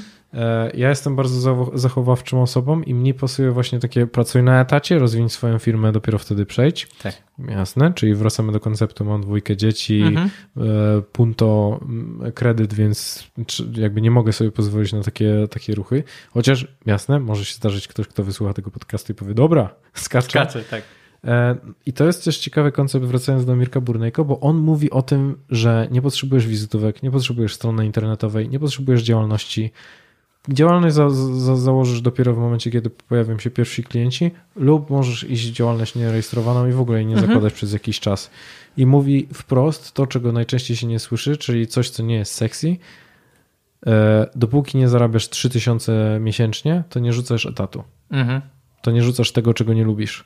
I to jest takie bezpieczne podejście, które ci pokazuje hola hola, nie? Jakby, żebyś tak. nie wpadł szyb za szybko do tej jaskini, o której mhm. mówiłeś, bo wpadniesz i może być tak, że nie, akurat nie będzie tego kogoś, mhm. kto ci powie, ok, dobra, tu jest twój miecz, tylko powie, tu jest ZUS, tu jest tak, Urząd tak, Skarbowy, tak, tak. zapoznaj się z nimi. E, więc to jest też e, ciekawa rzecz, że, e, że są ludzie, którzy pokazują, i to, i to jest co, co ciekawe, ta metodologia poszukiwania tego celu to jest Excel to jest dzwonienie do ludzi, zastanawianie się, jakie ludzie mają problemy, jakie ja mam zdolności, w czym mogę mhm. pomóc. I to jest po prostu analiza, analiza, analiza, przechodzenie, ocenianie na skali 1 do 10 i po prostu E, no, tak naprawdę statystyczne podejście do tego, w czym ja mogę, e, w, czy, w, czym, ja, w czym ja mogę ludziom mhm. pomagać i co najciekawsze, odpalamy dopiero w momencie, kiedy pojawiają się pierwsi klienci, pierwsze mhm. rozwiązania, coś zupełnie nowego. To oczywiście mówimy o takim przedsiębiorczym przejściu w bycie przedsiębiorcą, tak, tak. otwieraniu mhm. własnej działalności, ale myślę, że to też można śmiało zastosować też do, do poszukiwania takiej drogi e, w sensie... Tak, no to cały jest proces przygotowania do tej zmiany, bo, bo to też rzeczywiście e, bardzo często na tych pierwszych takich krokach właśnie mamy poczucie, że e, właśnie zmienić wszystko od razu, nie? Że całe życie nam się teraz wywróci tak. do góry nogami, że po prostu teraz jesteśmy y, tym menadżerem w korporacji, a jutro mamy być, nie wiem, y, artystą i, e, i teraz y, rzucam i zaczynam w, w tą stronę. No, to się nie dzieje w taki sposób. To zawsze jest ewolucja, a nie rewolucja. I najlepiej mhm. rzeczywiście jest to przeprowadzić właśnie w taki sposób i tą drogę właśnie tak sobie tutaj gdzieś tam tymi planami B jeszcze gdzieś tam asekurować przez pewnie dość długi okres czasu, żeby to, to się budowało stopniowo w tym wszystkim, nie? Mhm. Dobra. I jeżeli my już mniej więcej znaleźliśmy, odpowiedzieliśmy sobie na te pytania związane z wartościami, z tym, na jakim etapie jesteśmy, e, po, już jakby podejmujemy decyzję. E, mhm. O, to co jeszcze mi mocno pomogło, to zrobienie sobie takiej autoanalizy dotyczącej zadań, które lubię, czyli przechodzę przez wszystkie prace, które miałem, wszystkie mhm. zadania, wszystkie projekty, wszystkie studia, tak. prace grupowe, wyjazdy wakacyjne, mhm. wszystko co było, co lubiłem i czego nienawidziłem z całego serca, czyli jakie zadania, czyli z jednej mhm. strony, ok, lubię sobie grzebać i tam wiem, czytać badania naukowe, z drugiej strony nienawidziłem dynamicznie zmieniającego się środowiska i pracy w warunkach, kiedy nie wiem, co jest mhm. jakby moim obowiązkiem. Tak. I teraz staramy się wy, wysnuć z tego, w jaki sposób, w jak, jakby to jest to, co, czego ja szukam, co musi się tam pojawić. No i potencjalnie w jakich pracach mogłoby coś takiego występować. Mhm. E, no dobra, i co, co dalej? W takim razie mamy już postanowione mniej więcej już wiemy, w którą stronę iść, powiedzmy, że już widzimy światełko w tunelu, co byś jeszcze mhm. radził? No tutaj to, co nawet ty, ty, teraz wspomniałeś, czyli w ogóle y, podchodzenie cały czas w naszym życiu do wszystkiego, co robimy na zasadzie prób i błędów, czyli po prostu próbowania nowych obszarów, zaczynając nawet od tych studiów naprawdę wcześniej, tak? Zakładając, że okej, okay, no to jest coś, co jest mi gdzieś tam bliskie, może łatwe, może, mhm. a, a nóż gdzieś tam jakoś się wpasowuje w moje, w moje zainteresowania, spróbuję. I, I ta otwartość w ogóle ja bym może ją nazwał nawet bardziej ciekawością na, na, na nowe obszary i nie traktowanie mhm. w ogóle naszych doświadczeń, właśnie tych pierwszych prac zawodowych, e, czy nawet kolejnych jakichś takich doświadczeń, które możemy gdzieś tam łapać przez życie jako czegoś, co jest ostateczne, e, tylko właśnie z taką, z taką stricte ciekawością. Co ja o tym sądzę? Jak, jak to mi się podoba, e, czy mi się to podoba, co ja z tego mam i jak ja się z tym czuję, to, to, to myślę jest na pewno też takim wartościowym pytaniem. Natomiast, żeby w ogóle przez tą zmianę taką, taką przejść, bo myślę, że to jest gdzieś coś taki, taki temat i, i to jest, no to jest wielkie takie pytanie, które nam tu krąży nad głowami cały czas, czyli jak w ogóle ten proces uruchomić, tak, czyli to jest zdanie sobie też sprawy z tego, co ja w ogóle mam i co ja posiadam. Z mhm. jednej strony rzeczywiście zaczynamy od wartości, żeby zrozumieć, co jest dla nas ważne i w jakim kierunku my możemy, możemy z tym iść, ale teraz no, powiedzmy mamy już tam jakieś te wartości, wiemy czego szukamy w życiu albo w jakim powiedzmy zawężeniu obszarze, no to nie muszą być konkretne dziedziny w branży, bo to możemy zastosować naprawdę do, do różnych obszarów, ale no powiedzmy, że nie wiem, jestem tym e, prawnikiem, jestem tym HR-owcem e, księgowym, księgową i, i teraz co ja, co ja tak naprawdę potrafię, co ja robię w mojej pracy, mhm. jakie są moje zasoby pod kątem fizycznym, czyli w ogóle co ja posiadam, tak, że nie wiem, potrafię na komputerze, potrafię obsługiwać drukarkę, potrafię może, nie wiem, e, jakieś tam inne sprzęty jeszcze ogarniać. Z drugiej strony zasoby nasze intelektualne, czyli wiedza, doświadczenie, umiejętności, które wszystkie mamy. Zasoby emocjonalne, czyli wszystkiego, wszystkie nasze, wiesz... I tutaj cię zatrzymam, bo mhm. to, co mnie zaskoczyło, jak ja szukałem czegoś dla siebie, to też przyszło mi na myśl, że ja potrafię prowadzić pasiekę. O, proszę. To jest też ciekawy element. I pomyślałem Też sobie, czemu nie? Mhm. Czemu nie?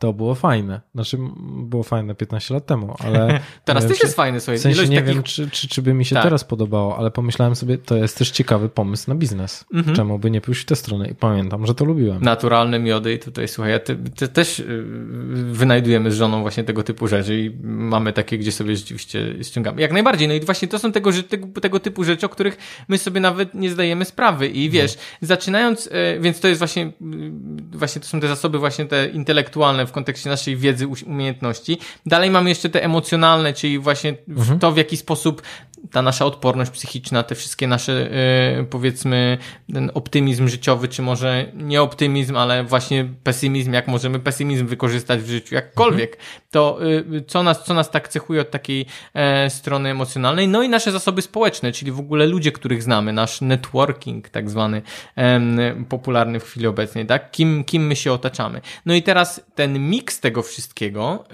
yy, daje nam rzeczywiście ten taką, taką olbrzymią pulę, z której my możemy czerpać, bo znowu zmiana to jest ewolucja, a nie jest rewolucja. I to nie jest tak, że mhm. dzisiaj stawiamy grubą kreskę, byłem prawnikiem, od jutra jestem, nie wiem, artystą, malarzem. E, no to się nie odbywa w taki sposób i, i zakładam, że mm, znaczy no może się Może akurat Może się, okej, okay, w malarza no może, ale to też nie jest tak, że to musisz na przykład się tym zajmować tak. hobbystycznie tak. wcześniej. Musisz sobie gdzieś tam coś robić w wolnym czasie, nie? Tak, ja e... to też widzę, to, y, że to jest najczęściej tak, że ludzie trafiają na te piękne rzeczy przez przypadek, mhm. że że i, i może też to tak organicznie się pojawia. To znaczy, że no najpierw jednej osobie upiekłem to, tak. ona powiedziała, że super, poleciła mhm. mnie kolejnej, Dokładnie. więc upiekłem kolejnej i potem zaczęło się na tyle tych zleceń mhm. pojawiać, że już szkoda mi było pieniędzy na składniki, więc tak. zaczę, za, za, zacząłem brać za, mhm. za te pieniądze. Najpierw trochę tak dla znajomych i znajomych Dokładnie. znajomych, a potem coraz bardziej to się roznosiło. Mhm. I to mhm. też jest bardzo ciekawe, żeby znajdować te rzeczy, w których my jesteśmy, y, które rozwiązują realny problem. To mhm. znaczy, żeby, o, to jest też ciekawe pytanie, które Mirek Burnejko właśnie cały czas mhm. stawia. Mhm. Jaki, czyj problem i jaki problem ja jestem w stanie rozwiązać? I to jest to, czego ty jako e, osoba, która rekrutuje ludzi, szukasz dla organizacji mhm. i to, jeżeli ktoś chce prowadzić tak. własny biznes, to odpowiadasz na to pytanie, ok, jaki sposób ja mu mogę pomóc, czyli jaki jego problem mogę rozwiązać. Mhm.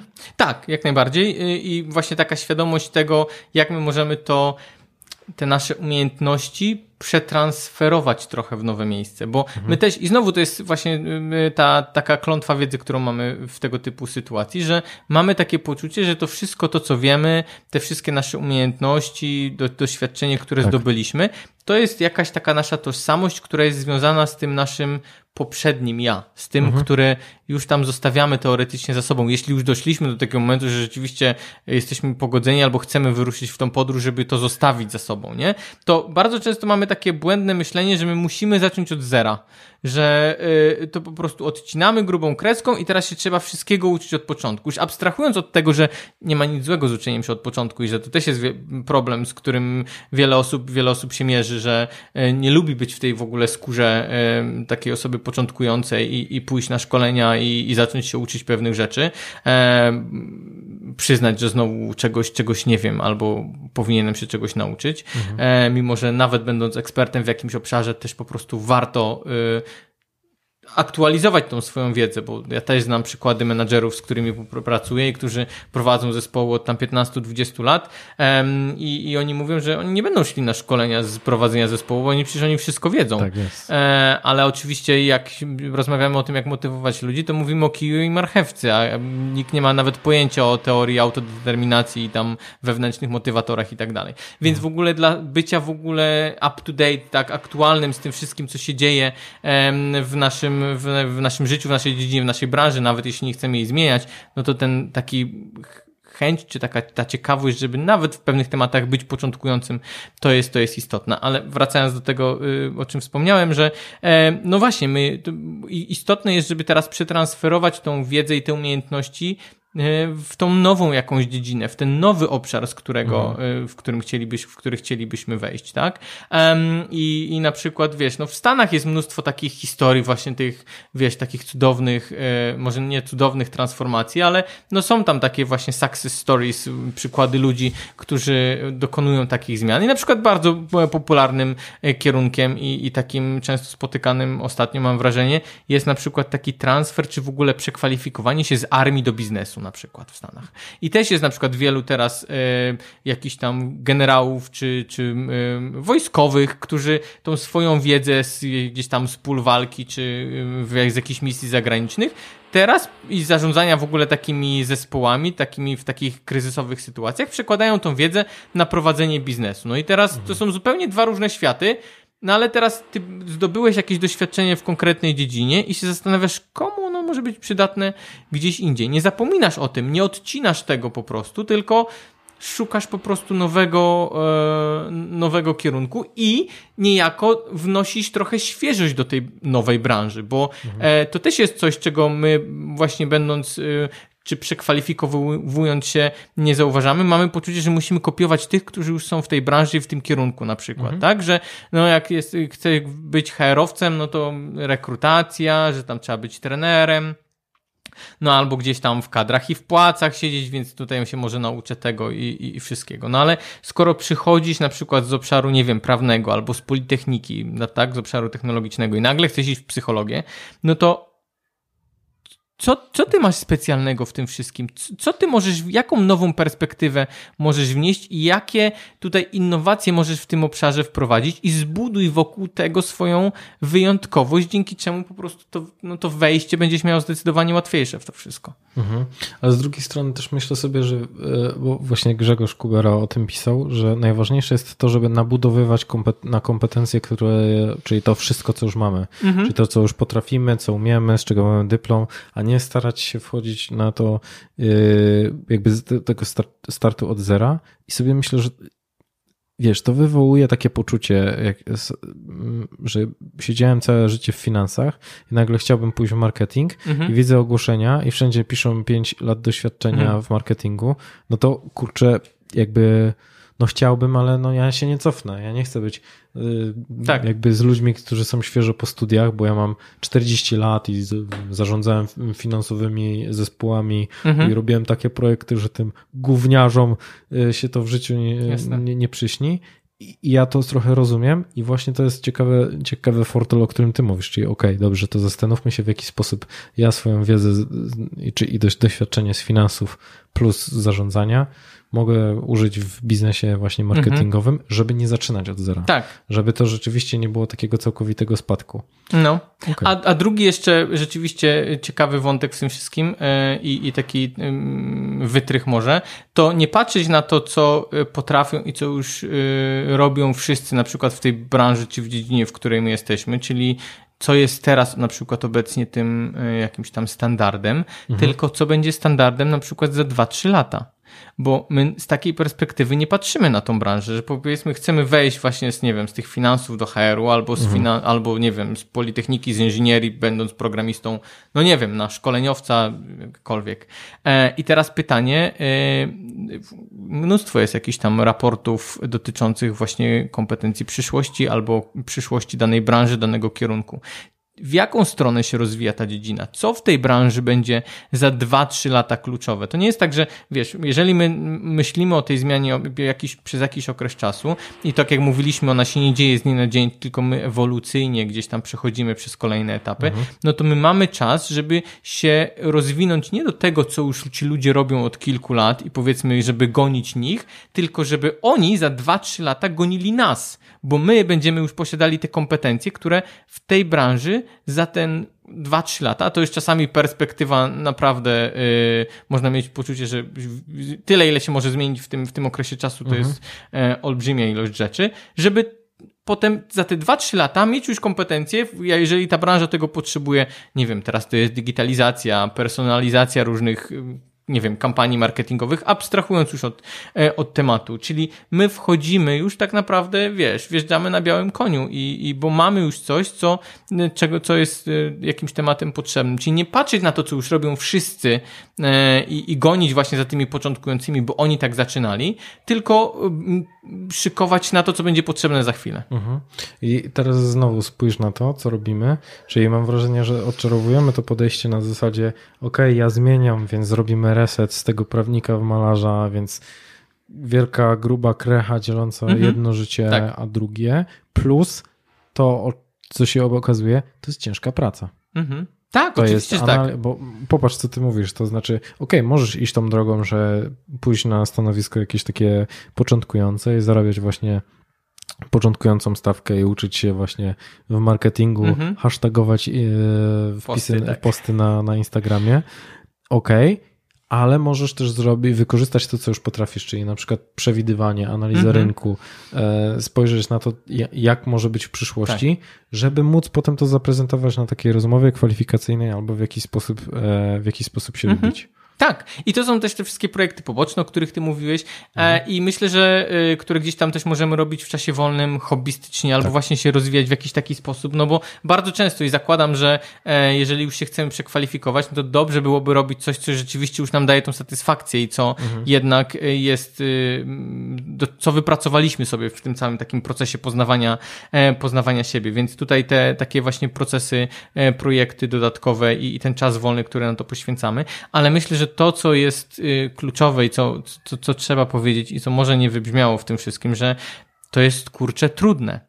Że tu nie ma i my, my, żyjemy w takich czasach, że y, wiesz, y, chcemy mieć pięć sposobów na e, zgrabną sylwetkę w tydzień. E, albo wejść. Trzy kroki do zmiany pracy. Na przykład, tak. Wejść tą pigułkę i po prostu wszystko będzie super no tu trzeba iść schodami. Tu, no mhm. to po prostu no, no nie ma jakichś tam bocznych, bocznych wejść. I, I naprawdę jakąkolwiek my drogę e, tutaj e, wybierzemy, czy zaczynając od rzeczywiście tego poznania samego siebie, czy później rozwijania tych poszczególnych jakichś kompetencji, tak. E, czy zmienienia swojego życia, no to się trzeba temu poświęcić i, i trzeba być gotowym rzeczywiście na to, e, na to wszystko, ale myślę, że to, co też może w tym pomóc, w, tym, w tej całej zmianie, bo e, myślę, że wielu naszych słuchaczy może zaraz powiedzieć, a to nie pierdziele, to już w takim razie to nie, to, to za, za trudne, to, bo znowu muszę coś poświęcić. świadoma decyzja. Tak, z jednej strony tak, niech to będzie świadoma decyzja i, i przemyślana i najbardziej wartość i, i, i można zostać w tym, co jest, ale rzeczywiście, jeżeli przekalkulujemy sobie wszystkie mhm. tutaj mm, szanse, zagrożenia i, i, korzyści, e, ale właśnie to co, to, co sugeruję, to zamiast zadawać sobie pytanie, jeśli zrobię tą zmianę, czy zrobię ten krok, zamiast pytać siebie, co stracę, to zadać sobie pytanie, jeśli właśnie to zrobię, to co mogę zyskać? Mhm. Jak ta moja alternatywna przyszłość bo no, jeśli się nie zmienię, no to mój, wiem, jak mój dzień będzie wyglądał, nie? Jutro przez kolejnych kilka lat, no bo będziemy robili cały czas to samo. Zastanawiamy się zwykle, my szukamy tego czarnego scenariusza, że co my możemy stracić, ale nie myślimy o tym, że jednak, kurczę, może być jakiś, możemy czuć satysfakcję z tej pracy, możemy czuć satysfakcję z tych związków, w których będziemy, z tych relacji, w które, w które wchodzimy. Czyli co ta zmiana może dobrego w tym, w tym naszym życiu e, zrobić. No i to jest odważne zadać sobie takie pytanie. I mhm. jeszcze bardziej odważne jest po prostu pójść tą, pójść tą drogą w tym, w tym kierunku. Kurde, myślę, że to będzie też dobre pytanie, żebyśmy, e, bo też chciałbym już, już powoli kończyć mhm. i teraz zastanawiam się, czy coś, żeby trochę osłodzić tę podróż, e, coś, co, jakąś wskazówkę z twojej strony, którą chciałbyś udzielić słuchaczom, żeby oni byli bardziej nastawieni na to, żeby działać w kwestii, w kwestii zmiany i znalezienia tego, to co, co, co, byś, co byś im powiedział?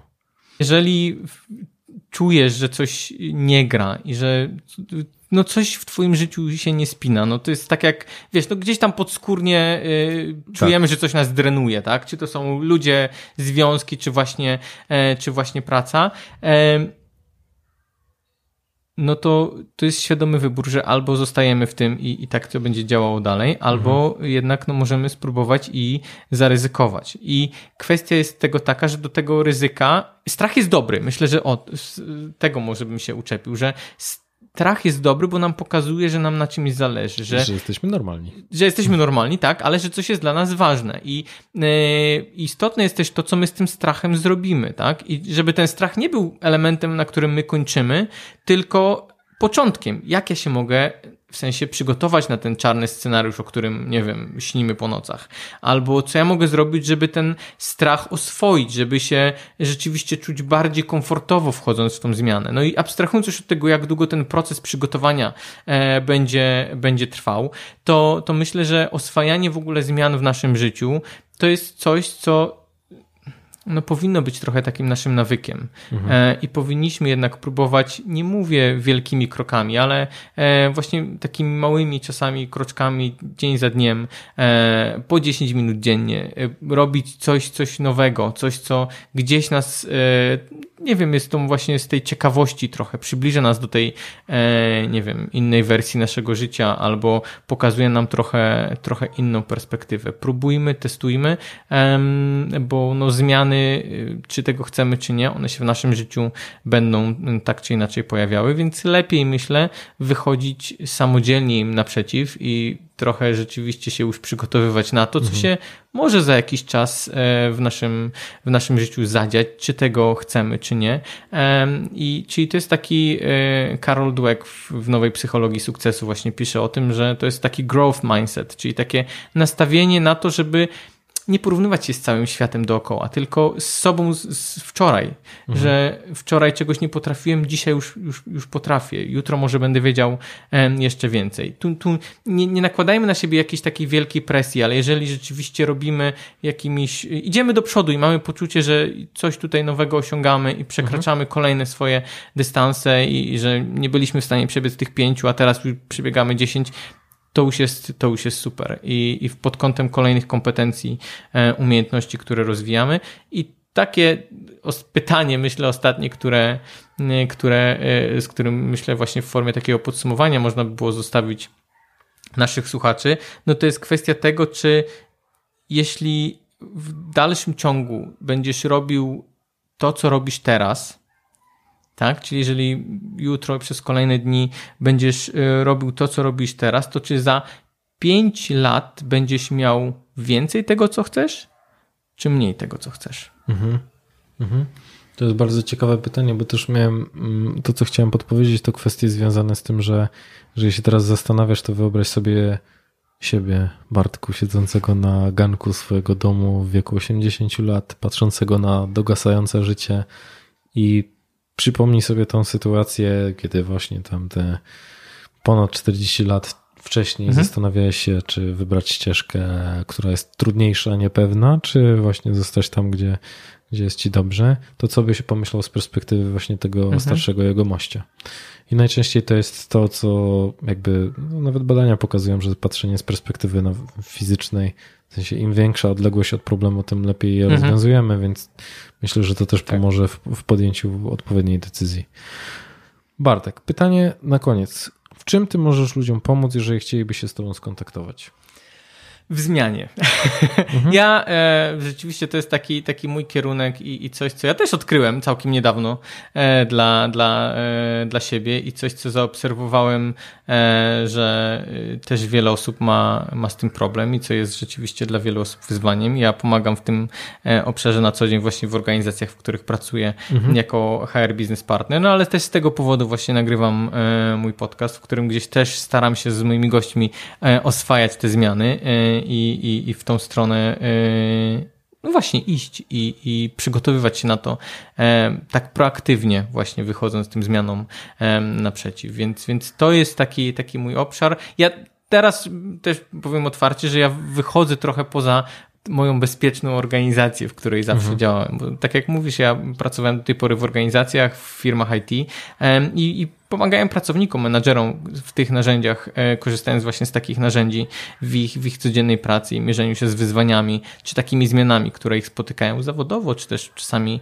czasami prywatnie. Teraz od jakiegoś czasu wychodzę powoli e, właśnie też do ludzi na zewnątrz. Mhm. No i tak, i w taki sposób rzeczywiście w formie takich, takich konsultacji, czy tego, uwaga, coachingu, mhm. staram, się, staram się pomagać i, i przez taki proces e, takiej zmiany, ale w zgodzie z sobą, e, z tym, co jest dla nas ważne, żeby no, osiągać ten właśnie stan takiego dobrostanu mhm. w, w, naszym życiu, żeby tak, żeby to, to mieć i to osiągnąć. Super. E, słuchajcie, kontakt do Bartka będzie zapisany pod e, filmem czy pod, pod samym podcastem, e, ale myślę, że po prostu piszecie Bartek Olejniczak do internetów, to wyskoczy y, ten właściwy. Jest kilku, ale, ale staram się gdzieś pracować nad marką osobistą w sieci również. Dobra. E, no dobra, Bartek, to dzięki wielkie, że wpadłeś. E, to była bardzo, kurczę, no, masa informacji, masa ciekawych e, i inspirujących też mhm. pomysłów na to, jak, jak zmieniać. To ja Ci dziękuję, Dawid, za zaproszenie. To naprawdę olbrzymia przyjemność tutaj gościć, siedzieć w tym krześle tutaj z tymi wszystkimi gośćmi niesamowitymi niesamowitymi na, no, zaraz na, na ścianie. Zaraz się więc, więc dziękuję bardzo za zaufanie, za zaproszenie. To była przyjemność. Super. Dzięki jeszcze raz i do, do usłyszenia. Dzięki.